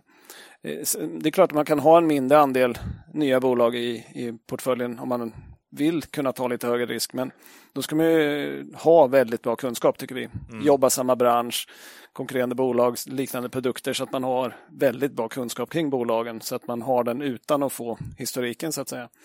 Men man ska komma ihåg att säljarna av de här bolagen, investmentbankerna då, de brukar vara ganska duktiga på att tajma börsintroduktionerna till dels när det går bra för bolaget och dels när det är hett på börsen. Ja, Och då är det inte alltid det bäst att investera eh, i bolag. Eh, och det har vi sett, många av de här introduktionerna som har kommit de senaste åren har varit totala katastrofer Mm. för de som har köpt. Bra för de som sålde, dåliga för de som köpte. Eh, känslan är att ska du köpa nya bolag så köp när det är dåligt på börsen. mm. kommer det ut bolag nu närmsta halvåret Då börjar det bli intressant. börjar det bli lite intressant Ja, ja. Om, om de är, ser, ser bra ut. Men, men det är ju oftast i dåliga tider som kanske de ja, oftast bättre bolagen har kommit till börsen. Ja. Historiskt sett. I alla fall lite större. Ja. Ska jag säga. Det är bara att kolla hur många bolag som kom till börsen 2021 till exempel. Mm. Eh, Det är då, och då vill man kanske inte riktigt köpa. Liksom. Och dessutom kort historik. Och, nej, det, det är så mycket där som, som, som, som gör att vi inte gillar att eh, investera i nynoterade aktier. En annan metod är hur man ska göra om man vill ha en del av sin portfölj. Det kan ju vara en väldigt, väldigt, väldigt, väldigt liten del av din portfölj. Mm. Om du nu måste handla det där, ja men köp pyttelite då. Så har du, äger du skiten och så kan du gå vidare i livet. Eh, säg typiskt när man har lynchat någonting. Jag berättade väl här om min värdelösa investering i XM Reality. Bara för att jag utsattes för den produkten som är. Jag hävdar att den är helt fantastisk. Spelar ingen roll om Nej. inte bolaget kan göra vinst och är ja, helt orimligt värderat naturligtvis. Men Mm. jag vill äga lite grann så jag köpte lite för mycket. Mm. Hade jag gärna bara köpt lite, lite grann så hade man ju varit skitnöjd. Då hade jag ägt det. Så det är väl ett sätt att slippa tänka på det då. Köp Mm. väldigt lite. Så, så svaret på frågan är egentligen eh, fråga någon annan för vi håller inte på med det. Nej. Firman har väl egentligen bara köpt en enda aktie i en introduktion på I- tio ja, år? Eller? 20 nästan. Ja. Eh, en ny introduktion har varit med och det är Ja, det är lite roligt egentligen, men det är THQ då faktiskt, eh, som vi var med i nyintroduktion. De, de heter ju numera Embracer då. Eh, där tyckte jag att det kändes tillräckligt bra på något sätt. Men det vart ju också mer teckna sälj på den. Mm. Eh, så där sålde vi ganska fort. Den gick väl flera tusen procent sen antar jag. Så, Och en av anledningarna till det är att vi ser IPO som vi tycker ser jätteintressanta ut och vi, man får ju aldrig någonting i dem. nej, Så ofta det man så. orkar inte det, vi tycker inte det är värt Nej. jobbet. Men jag tror ändå man fick lite THQ. Det var ändå på en tid då det inte var jättehås va? Det var inte lika het, hett Nej, då. jag tror inte det. Så, Det var därför det gick så fantastiskt bra sen Ja, senare jo, också. Så, att, eh, jo. så det, det är ett ganska bra facit men det är ingen, eh, ingenting som görs ofta. Nej, nej. Men det skulle vara mer av tradingkaraktär än så. Ja, mer så. grej. Så. Mm. Eh, ja, Ja, det var, Det var frågorna. bra.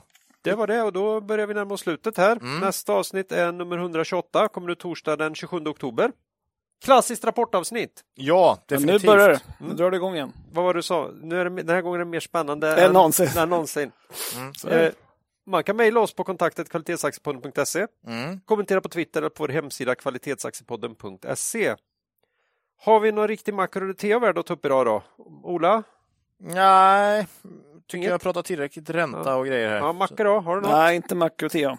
Men jag har en annan grej. Ja, men det är kanske Ja. lämpligt att ta det här då. Ja, jag tänkte det. Ja, för den minnesgoda lyssnaren, kom ihåg att vi ibland har delat ut vita och svarta kameler. ja det är så bra. Som Baserat på en gammal Vill- Villa serie. Medusa, va? Ja, Ja. Villa Medusa. Var det inte det? En liten skämtsam referens till dokusåpan Villa Medusa.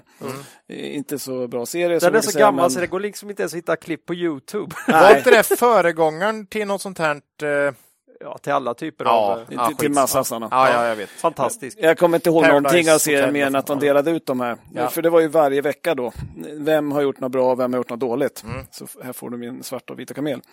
Eh, går till den som har gjort något bra eller dåligt och nu vill vi, känner vi att det är dags. Ja, Igen. igen. Det var länge sedan. Det var ett tag sedan, Men men, nu? nu. är det dags igen. Ja. Nej, men eh, svarta kamelen då, går till Nasdaq. Auff. Man har informerat om att man från den första december anonymiserar mäklarstatistiken då. Ja. För mid cap, small cap och first north. Ja, det som inte var anonymiserat innan helt enkelt. Ja, exakt. Eh, man sa det här om dagen. Våren 2020 så börjar man ju med large, alla på large cap då. Man börjar lite tidigare med, med allra största, och sen large cap, men nu gäller alla bolag då. Hela Stockholmsbörsen, hela First North.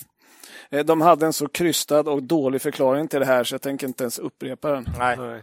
Eh, Det är bara kast. Man har böjt sig från stora marknadsaktörerna, robothandlare och så vidare. Förtjänar en solklar, solklar svart kamel. Ja. Ja. det finns en artikel i DI om man vill eh, få... Om man ändå vill höra vad de sa. Så Ja, kan och man man, ta- verkligen får de riktiga argumenten till varför man vill göra det här. Mm. Så att, eh, men, men det blir en svart kamel. Vem, vem får vitt då? Ja, Ja. men det är kul med något positivt också. Ja. Att när du har varit, har vi varit lite negativa Negativ. här, då tar vi något positivt. Vilka får den vita kamelen då? Den får Nasdaq igen. De också. Ja. Jaha. Nej, men för de hade ju planer på att starta handel i aktierna på NGM. Ja, och splittra likviditeten i orderböckerna. Till Ja, fördel för ingen. ja, och konkurrera ut sin lilla Ja, konkurrent där. Men det satte ju Konkurrensverket stopp för då, för man sa att det här är missbruk av dominerande ställning. Och nu har ju Nasdaq skrotat planerna och tänker inte längre förstöra handeln i de här bolagen. Då. Mm. Så då får de vita kamelen. Nu var det inte det. Okej, Ja, de blev eller, tvingade. eller, Nej, de blev aldrig tvingade för Aha. att eh, de tog upp det och då drog Nasdaq tillbaka det.